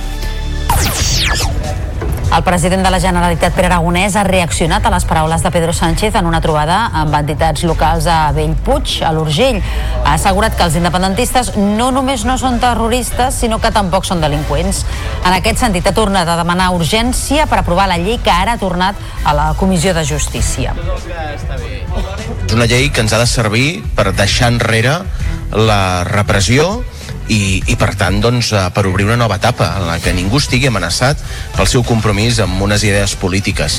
Eh, per tant, la llei és necessària, no s'ha de posar en risc, hem de poder-la aprovar el més aviat possible. El president espanyol deia que els independentistes no són terroristes, és evident que no és així, però més jo afegeixo, els independentistes no són, no som delinqüents. I de la seva banda, el líder del PP, Alberto Núñez Feijóo, ha denunciat des de Brussel·les el que considera com una ofensiva massiva del Congrés contra, la, contra els jutges tolerada pel govern espanyol. A més, ha tornat a fer referència als suposats contactes de la Rússia de Putin amb el procés. No solamente estamos absolutamente preocupados con la amnistía, no solo porque en la amnistía se incluyen los delitos de malversación, corrupción, integridad territorial del Estado y terrorismo, sino porque además ahora también se quiere incluir en la amnistía eh, los contactos del independentismo catalán y el régimen de Putin que se tipificarían como delito de traición y en consecuencia eh, nuestra alarma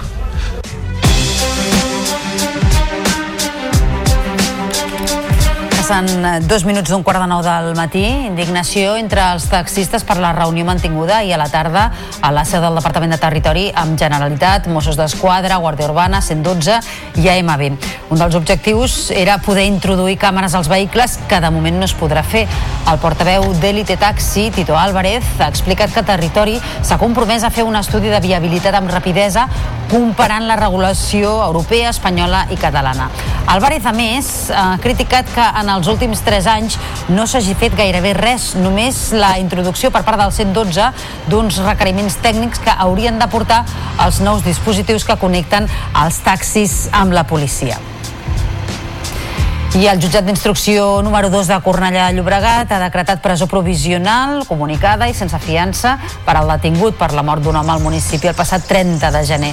L'acusen d'un delicte d'homicidi. El cos va aparèixer cremat a dins del maleter d'un cotxe i aquell mateix dia els Mossos en van detenir el presumpte autor. Té 29 anys i tot apunta que coneixia la víctima. Fons properes a la investigació han explicat que es van barallar i, de fet, tant el cadàver com el detingut presentaven indicis d'aquest enfrontament. I ahir van desnonar una veïna de 78 anys al barri gòtic de Barcelona per un impagament inicial de 177 euros. El cas es remunta al 2017 quan inquilina i llogatera van pactar sis pagaments de 88 euros en contraprestació d'unes obres de millora al pis. La dona, però, no va pagar dues quotes extra perquè no estava d'acord amb els treballs. El passat novembre, la propietat va acabar negociant un lloguer a preu de mercat amb l'ajuda de l'Ajuntament, però eh, aquest acord no va arribar. Resistim al gòtic en culpa el consistori, mentre que aquest assegura que ha estat la propietat la que ha rebutjat la proposta. Ara la Blanca Espinosa passa les nits en un hotel fins que es trobi una alternativa.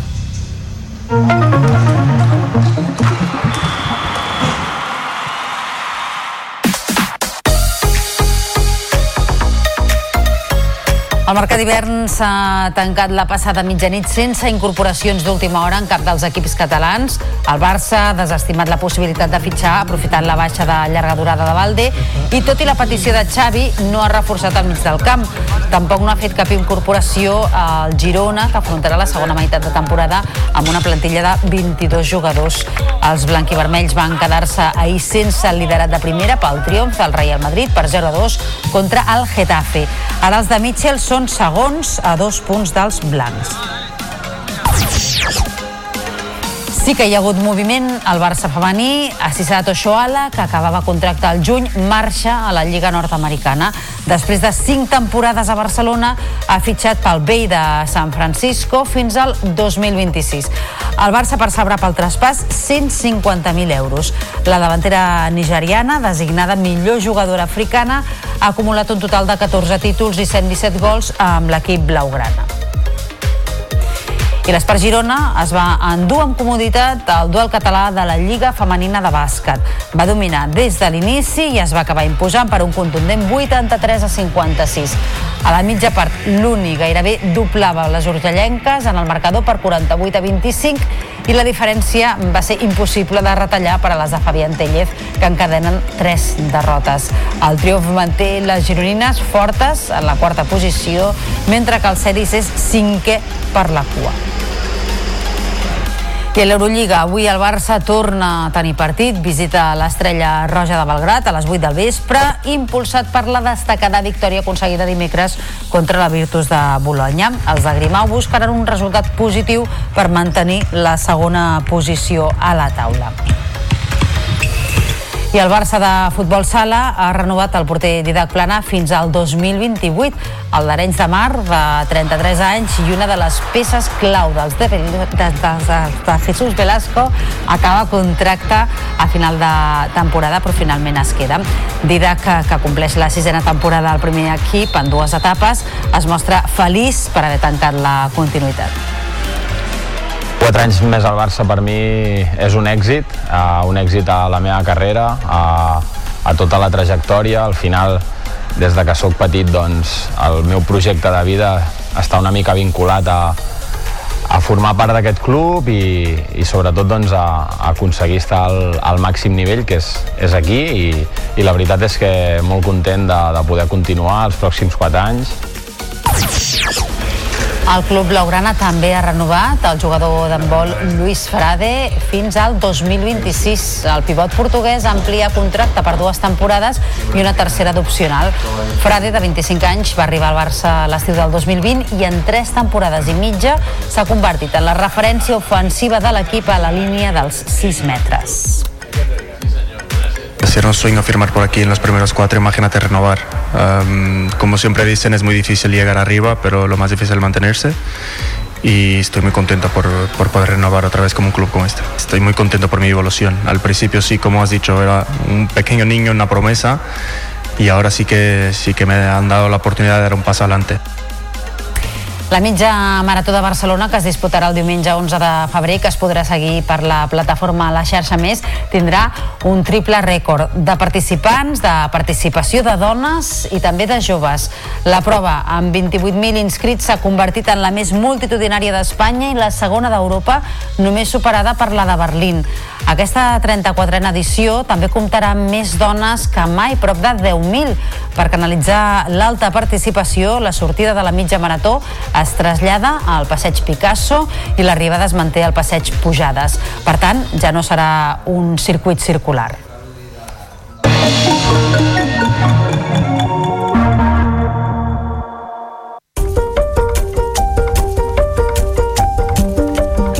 Museu del Barroc de Catalunya s'inaugurarà a Manresa el 21 de febrer per trencar els estereotips d'aquest art. S'hi poden veure 182 peces dels autors més representatius del barroc català, com Antoni Viladomà, Joaquim Juncosa o Francesc Tramulles. Els companys de Canal Taronja Central ja l'han visitat.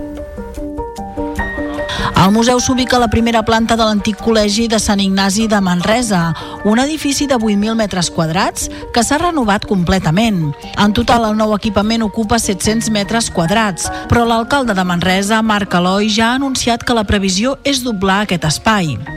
Un dels objectius del nou museu és desmuntar alguns dels mites que envolten l'època i l'art barroc.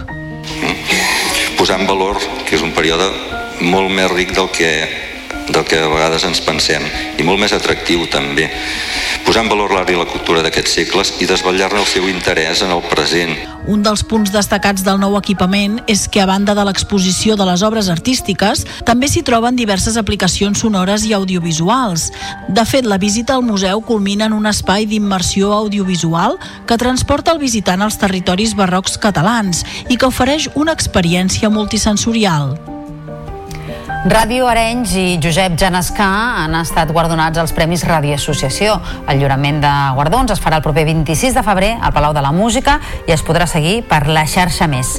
David Navarro.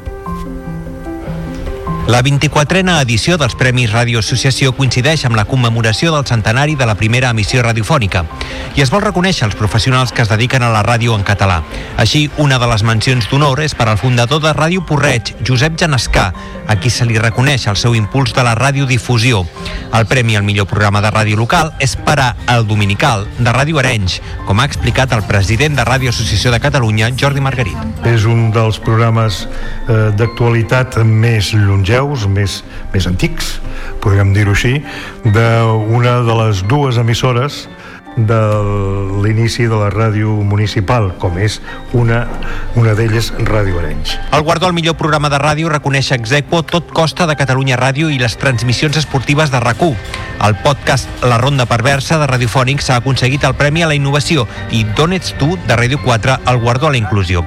La gala del lliurament dels premis i del centenari de la ràdio es farà el proper 26 de febrer al Palau de la Música Catalana i serà retransmesa en directe per les televisions locals a través de la xarxa Més. L'estudi d'efectes especials DDT de Barcelona, nominat als Oscars per la Societat de la Neu i oscaritzat ja pel Laberinto del Fauno, obrirà un museu a la ciutat amb l'objectiu que tothom pugui visitar les seves creacions. Ho han explicat en exclusiva els companys del programa Fet a mida de la xarxa. En aquest museu s'hi podran veure algunes de les seves icòniques creacions guanyadores.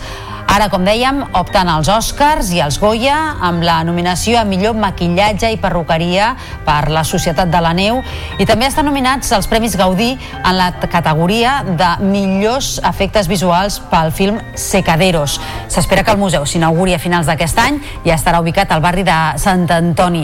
David Martí, creador de l'estudi, ho explicava així als micròfons de la xarxa. Aquí jo crec que eh, una cosa que ens passa a DT és que la gent quan ve no? i veu tantes coses i veu, uh, tenim una habitació on tenim moltes, moltes bèsties per dir d'alguna manera, molts, molts monstres uh, sempre ens diu, hauríeu de fer un museu i el Bayona cada, cada cop que ve diu, és que per què, no, per què no heu fet un museu per què no heu fet un museu? Al final, ara, per una qüestió de, de una concatenació de moltes coses vam dir aquest any, doncs anem a fer un museu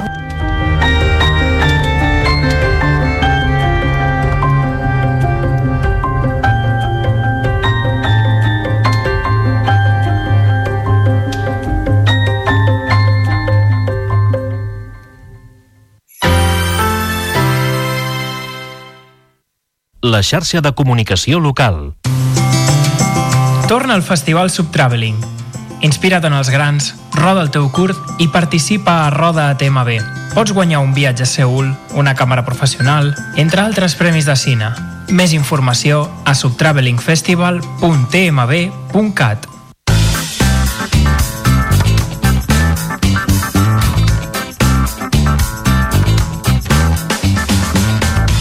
¿Sabías que... Una curiositat veritablement intrigant és la paradoxa del viatge en el temps. Aquest concepte, que ha estat explorat a la ciència-ficció i a la física teòrica, planeja una sèrie de preguntes fascinants sobre la naturalesa del temps i la possibilitat de viatjar cap al passat o al futur. Segons la teoria de la relativitat d'Albert Einstein, el temps és relatiu i pot ser afectat per la velocitat i la gravetat. Això significa que, en teoria, si algú pogués viatjar a velocitats properes a la velocitat de la llum o apropar-se a un objecte extremadament massiu, experimentaria el temps de manera diferent en relació amb algú que no ho fes. No obstant això, aquí és on entra en joc la paradoxa.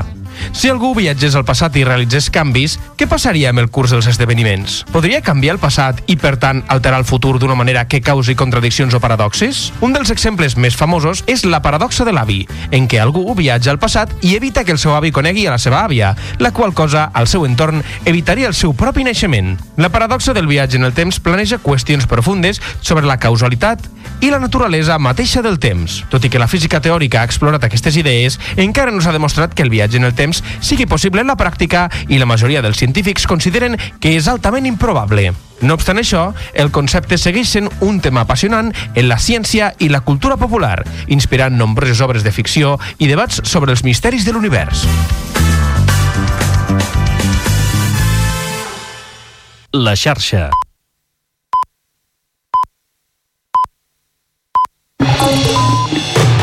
Notícies en xarxa, edició matí. Amb Taís Trujillo. Bon dia, són dos quarts de nou del matí i avui al Notícies en xarxa us estem explicant que una població de 6 milions de persones ja està en emergència per sequera. El govern ha decretat la fase 1, que implica la reducció del consum d'aigua per persona i dia, una retallada del cabal ecològic dels rius i restriccions en l'àmbit agrícola i industrial. La Generalitat demana un esforç col·lectiu per afrontar l'episodi més crític viscut mai per falta de pluges. També us estem explicant que el president del govern espanyol, Pedro Sánchez, assegura que l'actual redactat de la llei d'amnistia ja cobreix tots els independentistes perquè la seva ideologia no és terrorisme. El president de la Generalitat, Pere Aragonès, li ha respost que tampoc són delinqüents i que cal aprovar el text el més aviat possible. De la plana econòmica hem destacat que la direcció de Danone confirma que no hi ha marxa enrere en el tancament de la planta de Parets del Vallès. Planteja més un pla de reindustrialització per donar sortida als 157 treballadors que perdran la feina. Les negociacions de l'ERO arrencaran la setmana que ve. I en els propers minuts parlarem amb Luz González, portaveu d'Elite Taxi, perquè el col·lectiu està indignat pels resultats de la reunió de la taula de seguretat del taxi. Els taxistes volien introduir càmeres als vehicles per millorar la seva seguretat i la mesura de moment no es podrà implementar. En esports, el mercat d'hivern s'ha tancat la passada mitjanit sense incorporacions d'última hora en cap dels equips catalans. El Barça ha desestimat l'opció de fitxar aprofitant la baixa de llarga durada de Valde i tot i la petició de Xavi no reforça al mig del camp. Tampoc no ha fet cap incorporació al Girona, que s'ha quedat sense el liderat de primera pel triomf del Real Madrid sobre el Getafe. I en el tram final del Notícies en xarxa entrevistarem la presidenta de l'Acadèmia del Cinema Català, Judit Colell, per parlar dels Premis Gaudí que s'entreguen aquest diumenge. I parlant de cinema, també acabarem, com sempre, els divendres fent el repàs a les estrenes de cinema més destacades. D'una banda, arriba a les sales l'alemanya Sala de Profesores, nominada a millor pel·lícula internacional als Oscars. També La Tierra Prometida de Bastard, protagonitzada per Mats Mikkelsen. I si us fan por les aranyes, compta amb Vermin la plaga. Notícies en xarxa, edició matí. El govern ha decretat la fase 1 d'emergència per sequera a la conca del Ter Llobregat. Això significa que a partir d'ara 6 milions de persones han de reduir més els usos d'aigua per mesos. El president aragonès es mostra convençut que amb l'esforç col·lectiu es superarà la pitjor sequera de la història tal i com es va fer, ha dit, durant la pandèmia. L'executiu està disposat a portar aigua amb vaixells i manté la reducció dels cabals ecològics dels rius. Ens ho explica tot plegat la nostra companya Mont Carvajal. El president Pere Aragonès ha agraït l'esforç de tothom fet fins ara perquè ha permès, ha dit, ajornar l'entrada en emergència 15 mesos i s'ha mostrat convençut que es continuarà fent fins a superar-la. Sé que la ciutadania de Catalunya, que el teixit productiu, que els ajuntaments, que el govern del país, en aquesta situació d'excepcionalitat, donarem el millor de nosaltres mateixos. Estic convençut que la col·laboració que hem estat portant a terme la intensificarem. N'estic absolutament convençut. Aquest país ha desafiat les dificultats amb col·laboració, amb anticipació i amb un gran esforç col·lectiu. I ara ho tornarem a fer. El rec agrícola es limita a 80%, lo ramader a la meitat i el consum industrial al 25%. L'arbrat públic només es pot regar amb aigua regenerada. Als domicilis cal baixar 200 litres d'aigua per persona i dia. No es pot regar jardins privats ni reomplir piscines privades, només en gimnasos i les d'aigua salada. El conseller d'Acció Climàtica, David Mascort, ha dit que vindran temps vertiginosos si no plou. Ha defensat reduir el capdalt dels rius si cal davant els tribunals, així com portar aigua amb vaixells. I segur que trobarem la fórmula perquè si és necessari portar aigua a Barcelona, eh, en portem. Eh? I he dit moltes vegades que no és tan rellevant d'on ve, sinó que quan la necessitem la puguem anar a buscar de pressa per portar-la. Dilluns hi haurà una reunió amb la ministra de Transició Ecològica, Teresa Rivera, a Barcelona, per parlar-ne. Una evidència d'aquest episodi excepcional el marquen sens dubte el nivell dels embassaments. En el cas del pantà de Sau ja ha superat el mínim històric registrat ara fa més de 3 dècades. Ens informa el Miquel Giol des del Nou TV. Ja fa molts mesos que l'església de l'antic poble de Sant Romà de Sau es pot veure sencera. La imatge icònica de la punta del campanar sortint de l'aigua ha quedat molt enrere i l'edificació cada vegada està més lluny de la làmina d'aigua de l'embassament i continua sent l'objecte de moltes fotografies. Convertit en el termòmetre de la sequera a Catalunya, el pantà treu cada dia desenes de persones. Aquest grup de caminadors de Vic i Sant Julià hi esmorzaven constatant la baixada de l'aigua de l'últim mig any, des de l'últim cop que hi havien vingut. Entre ells, hi havia qui recorda Sau abans de quedar colgat per l'aigua. I avui ha tocat venir aquí una altra vegada a veure com està el pantà, que, que per cert estem molt desanimats a veure'l així. Sí, jo de petit havia vingut a peu aquí, jo havia passat, havia vingut a Tabertet i havia passat a peu. Ja havia menjat pomes i tot, i sí, molt bé, molt bé, passàvem pel pont. La sensació és maca perquè veus una altra vegada el que havia sigut, no? I veus que pots tirar fotos i recordes una mica les fotos que havia tirat jo de blanc i negre que canviar les tires en color. Aquest mes de gener, l'embassament de Sau ha batut el seu rècord de mínim històric, que era del 5,77% de capacitat que s'hi va registrar l'any 1990.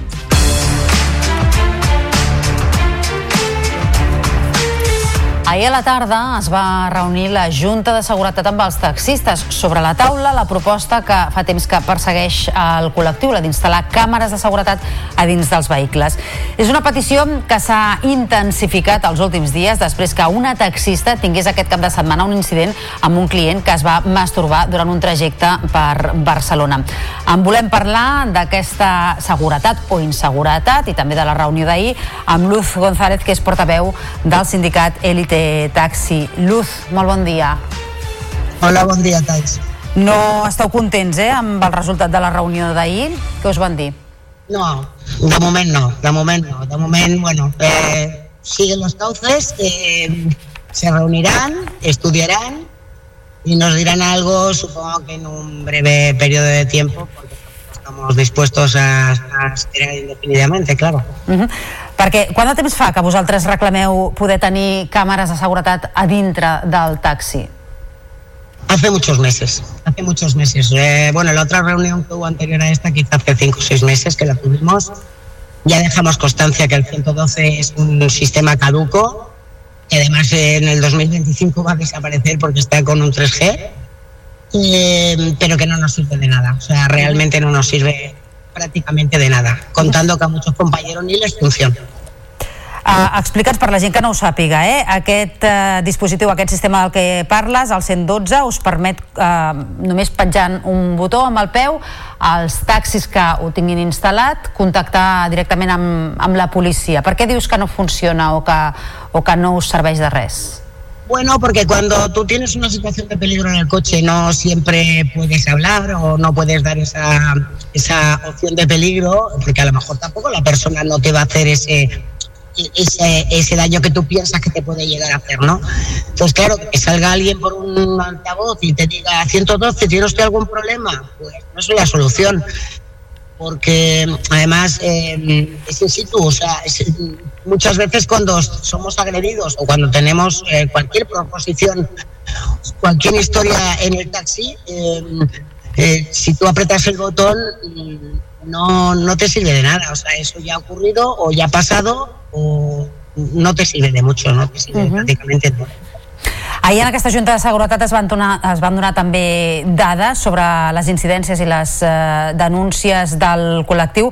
Um, esteu especialment preocupats per la vulnerabilitat de les dones taxistes al volant, no? més que pels homes, que també, sobretot les que ho passeu malament, sou les dones. Sí, porque, a ver, eh, como, en cualquier, eh, como en cualquier situación siempre somos más vulnerables. Un hombre puede llegar a las 4 de la mañana, no tiene ningún problema en la calle, una mujer la puede tener.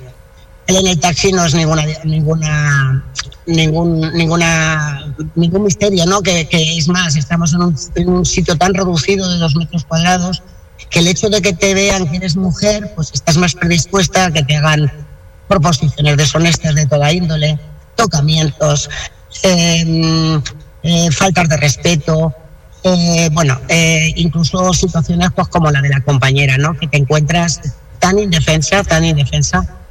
Entonces, sí que es un tema muy preocupante que a nosotros nos ayudaría mucho. Creemos que las cámaras, además de ponerse, aparte de, ser un sistema que, que, se podría poder denunciar a alguien, ¿vale? sería disuasorio también ¿vale? Porque si una, un coche tú entras y te pone que es una zona videovigilada, como cuando tú entras en un comercio, tendrás mucho más miramiento a la hora de hacer cualquier, cualquier historia, ¿no? Entonces, aparte de ser disuasorio, eh, no estamos nada de acuerdo en que digan que, esas denuncias, eh, hay un número X que, no son tantas en un año como para tener la necesidad de poner cámaras en el coche eh, el Instituto Metropolitano del Taxi no es consciente de que eh, el 80% de las agresiones y situaciones muy malas dentro del taxi, tanto por parte de las mujeres como de los compañeros, no se denuncian, porque no llegamos a ningún sitio, porque no tenemos a quien denunciar. Nosotros no pedimos el carnet de identidad a nuestros clientes. O sea, nosotros no tenemos a quien denunciar, entonces muchas veces optas por no hacerlo. O sea, que no es un número real, las denuncias que hay. Ya son los casos extremos cuando se denuncian, pero no son reales. Luz González, portaveu d'Elite Taxi, moltíssimes gràcies per haver-nos atès aquest matí al Notícies en xarxa. Molt bon dia. Molt bon dia, gràcies. I més qüestions ara de l'àmbit eh, laboral per explicar-vos que la direcció de Danone es manté ferma en la decisió de tancar la planta de Parets del Vallès. Ho ha deixat clar en una darrera jornada de contactes en què també s'ha compromès a un pla de reindustrialització per intentar trobar una sortida als 157 treballadors que aniran al carrer. La setmana que ve començaran les negociacions de l'expedient. Ens ho explica la Guadalupe Caro des de Vallès Visió. Després d'aquesta segona reunió, des del comitè no veuen altra opció que començar a treballar per aconseguir les millors condicions per a cada treballador. La direcció, però, ha posat sobre la taula de manera més oficial que estan treballant per una reindustrialització de la planta paratana. Tenen la idea de parlar-nos de reindustrialització. Aviam, és també és una bona notícia, no? I, bueno, aviam, aviam eh, què tenen pensat, eh, m'imagino que en, el, en els propers dies ens diran més coses, però ja han parlat de reindustrialització. D'aquesta manera, la primera setmana de negociacions ha estat per analitzar i resoldre dubtes dels informes presentats per la direcció. La setmana vinent, dimecres i dijous, començaran les negociacions com a tal. Per arribar a un acord hi ha un marge legal de 3 mesos.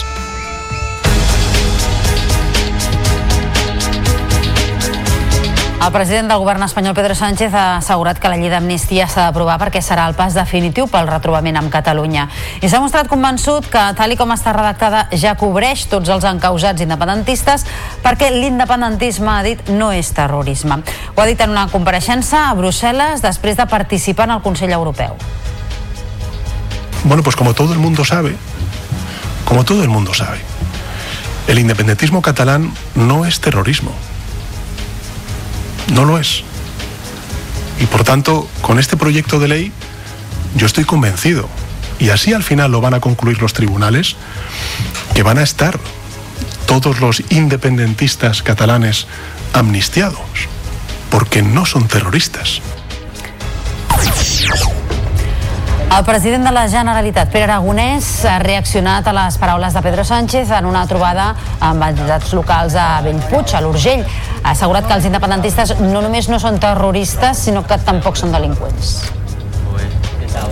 És una llei que ens ha de servir per deixar enrere la repressió i, i per tant doncs, eh, per obrir una nova etapa en la que ningú estigui amenaçat pel seu compromís amb unes idees polítiques.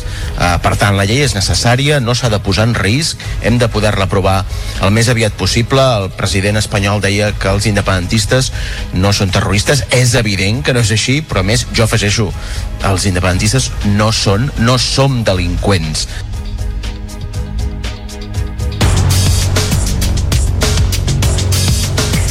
I abans dels esports, una proposta de cara al cap de setmana. El Trufòrum Vic 2024 ja està en marxa.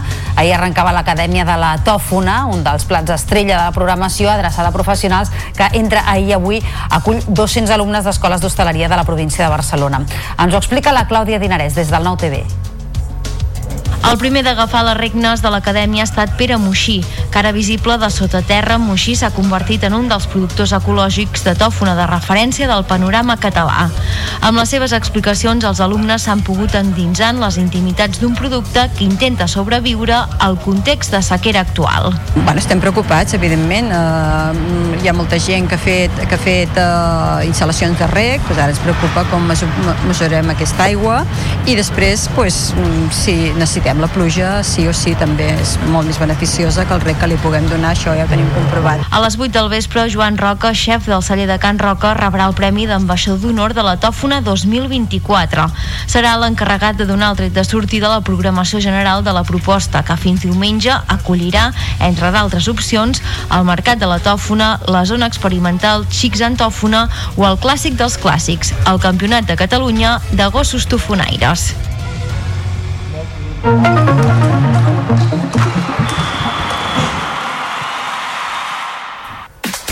Tres quarts de hora del matí repassem l'actualitat esportiva. Cristina, molt bon dia. Els equips catalans han tancat el mercat d'hivern sense reforços. Sí, la finestra hivernal per fitxar s'ha tancat aquesta passada mitjanit sense que ni Barça ni Girona hagin fet cap moviment. El Barça, per part seva, l'equip blaugrana ha desestimat la possibilitat de fitxar aprofitant la baixa de llarga durada de Valde i, malgrat la petició de Xavi, no ha reforçat el mig del camp.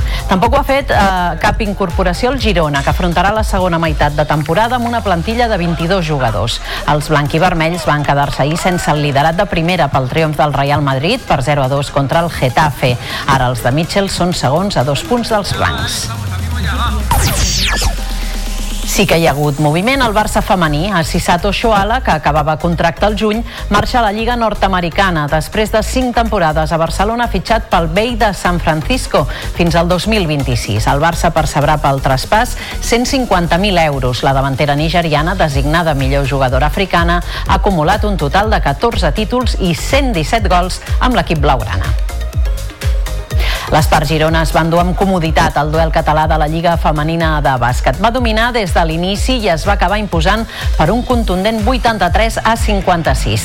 A la mitja part, l'Uni gairebé doblava les urgellenques al marcador 48 a 25 i la diferència va ser impossible de retallar per a les de Fabián Tellez, que encadenen tres derrotes. El triomf manté les gironines fortes en la quarta posició, mentre que el Cedis és cinquè per la cua.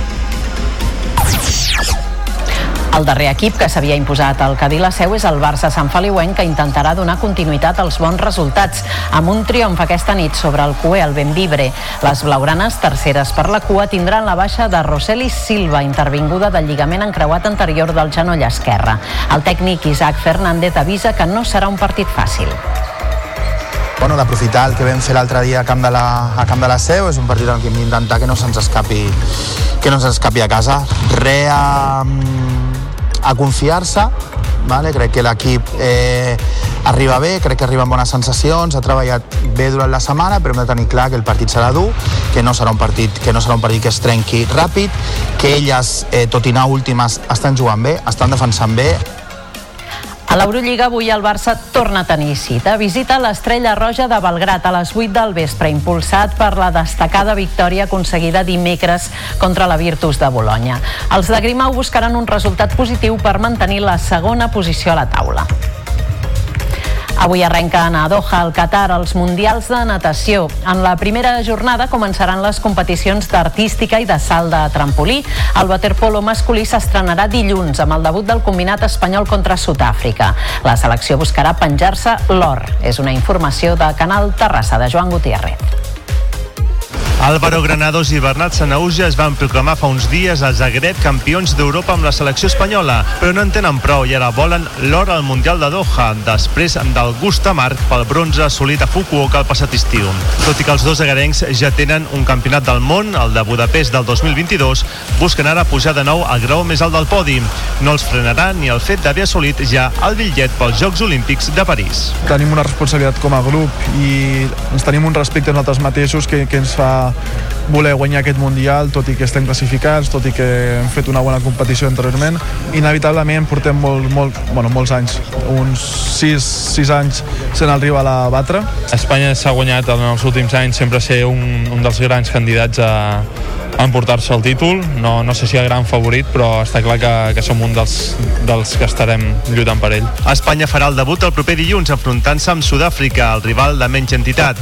La primera plaça del grup se la jugarà precisament contra Croàcia, qui va derrotar en la final de l'Europeu amb l'objectiu de tenir un camí més plàcid en els encreuaments. Doncs la selecció masculina debutarà dilluns, la femenina ho farà ja aquest diumenge. També molta representació catalana. Gràcies, Cristina, que vagi molt bé. Que vagi bé. Recte final de Notícies en xarxa, parlem de cinema perquè aquest diumenge, 4 de febrer, se celebra la setzena edició dels Premis Gaudí, que en aquesta ocasió es faran al Centre de Convencions Internacional de Barcelona, al Parc del Fòrum. En volem parlar d'aquesta gala amb Judit Colell, que és la presidenta de l'Acadèmia del Cinema Català. Judit, molt bon dia. Bon dia. Com es presenta la setzena edició? Tot a punt, eh? Tot a punt, tot a punt. Aquests últims dies sempre són complicadíssims, amb molta feina, però molt contents. Mm, eh, Se presenta una gala divertida, plena de, de música, d'humor, gamberra, i penso que estarà molt i molt bé. Pel que fa a la participació, és a dir, a la producció cinematogràfica i la quantitat de candidatures que hi ha aquest any, també hem de dir que s'han batut rècords, no? Totalment, totalment aquest any, això és l'altra cosa bona que anava a dir, no només que la gala serà divertida, que això sempre, sempre ho és, sinó que també aquest any tenim unes pel·lícules magnífiques, més pel·lícules que mai, més pel·lícules en català que mai, que això és una molt bona notícia, uh, pel·lícules que han estat per festivals internacionals que han guanyat premis, que estan nominades, altres premis eh, tant nacionals com internacionals que han connectat amb els espectadors, moltes d'elles, i, i penso que això és una notícia per celebrar. Mhm. Les que tenen més nominacions són Creatures i Saben aquell. Exactament. Sí, Creatura és la pel·lícula de l'Helena Martín Jimeno que va estar al Festival de Cannes a la quinzena de cineastes i va guanyar el Premi a millor pel·lícula europea. I saben aquell és la, la pel·lícula sobre el voltant de la figura d'Eugenio. Dues pel·lícules magnífiques, a més, que també estan eh, han estat eh, recorrent molts festivals, estan nominades també als Goya, mm, són pel·lícules que han connectat molt bé amb els espectadors i, i penso que són dues pel·lícules fantàstiques, però no ens oblidem de totes les altres que, que estan nominadíssimes i que, i que són pel·lícules estupendes, com Un amor, d'Isabel Coixet, Upon Entry, que ha estat eh, nominada als Spirit Awards d'Estats Units, els Encantats, que va guanyar Màlaga, la imatge permanent, que va guanyar Valladolid. Realment és un any brillant. També hi haurà una nominació, en aquest cas només una perquè no es considera producció catalana, per Juan Antonio Bayona i la seva La Societat de la Neu. Mm -hmm. Bueno, és que no és producció catalana, no és que no es consideri, és que no ho és, és una producció de Netflix amb una petita part de producció però de, però de la resta de l'Estat, no d'aquí de Catalunya, i els Gaudí tenen una normativa que s'ha de tenir un 20% de producció catalana per poder participar, em sembla que és una manera de protegir la nostra indústria i el nostre cinema. Però això no vol dir que no la sentim molt catalana, perquè està plena de talent català i estem orgullosíssims del, del J. Bayona, de tot el seu equip i de que estigui nominada als Oscars. Vull dir que estem, ens sentim molt, molt orgullosos de que formin part de la família del cinema català. Ha estat un any de molta i bona producció. L'espectador ha respost, ha anat al cinema? Uh, sí, mm, una mica més, diguem que altres anys. L'any passat vam tenir el fenomen al Carràs, uh, que va treure molts, molts, molts espectadors amb l'Os d'Or de, de Berlín. Uh, aquest any hem tingut pel·lícules que han connectat molt bé amb els espectadors, el que passa que sempre és una cosa de les que reclamo, no? més complicitat, més, eh, una mica més de xovinisme per part nostra, no? d'anar a veure les nostres pel·lícules que ens sorprendran. Mm, la prova és això, no sé, una pel·lícula com El mestre que va prometre al mar, una altra de les nominades a millor pel·lícula en llengua no catalana, és una pel·lícula que a través del boca-orella ha estat funcionant molt i molt bé.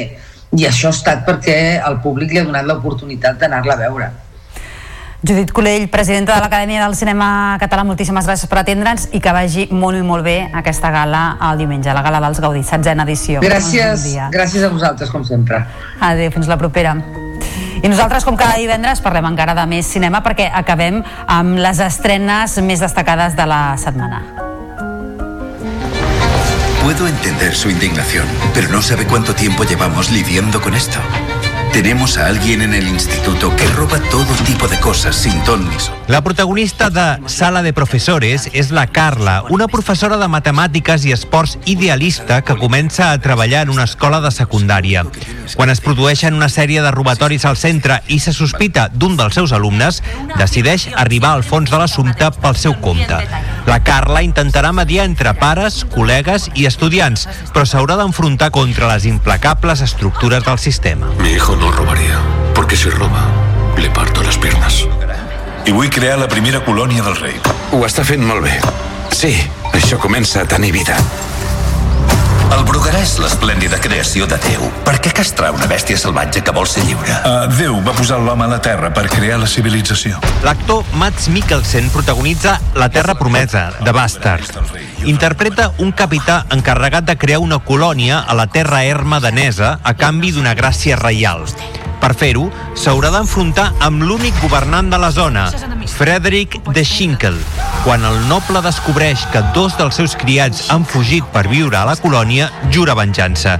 Tots dos s'enfrontaran en una batalla desigual que posarà en perill la vida del capità i la dels marginats que l'envolten.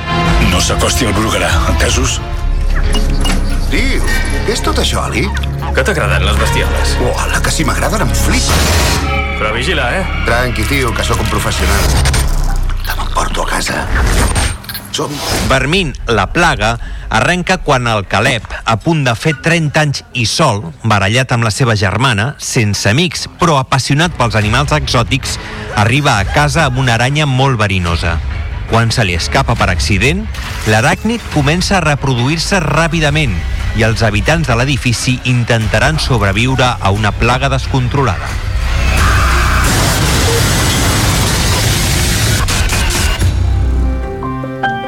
Doncs amb cinema i amb aranyes hem arribat al final del Notícies en xarxa d'aquest divendres, dia 2 de febrer. Els recordem, com sempre, que nosaltres tornarem dilluns a primera hora del matí amb més informació de territori. Fins aleshores, només ens queda desitjar-vos que passeu un molt bon cap de setmana. Adeu.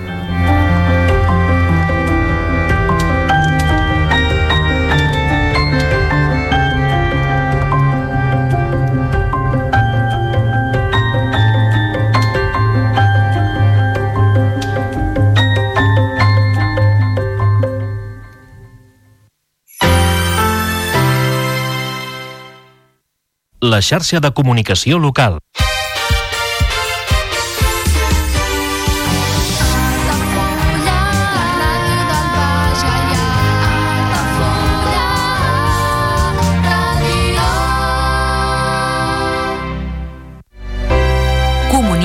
2024. Dates ja disponibles amb sales privades, jardí, pàrquing privat i la millor gastronomia. Més informació i reserves al 977 65 11 55 i a comercial arroba altafullamarotel.com o al web altafullamarotel.com.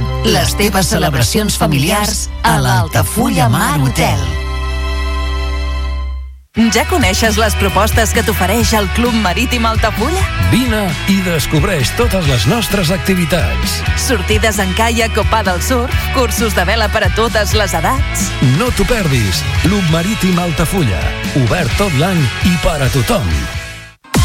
Carrer Major, el programa de les emissores del Camp de Tarragona. Cada dia de 4 a 6 de la tarda, el que passa al Camp de Tarragona t'ho expliquem amb la major redacció d'un programa de territori quilòmetre zero. Periodisme de proximitat, continguts de qualitat, amb Anna Plaza i Toni Mateos. Carrer Major.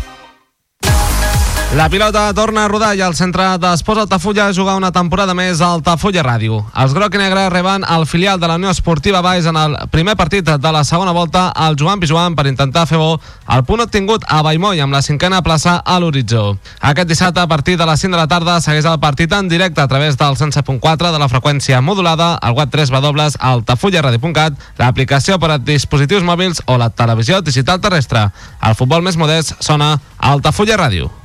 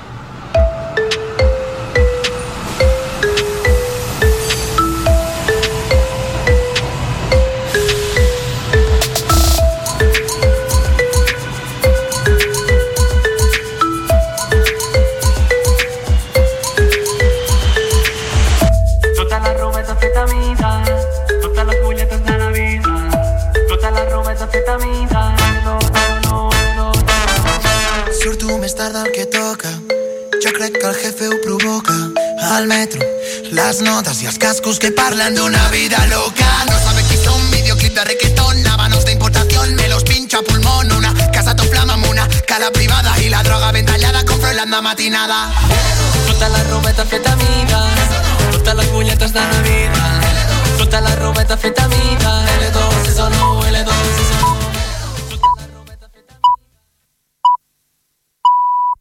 Són les 9 del matí.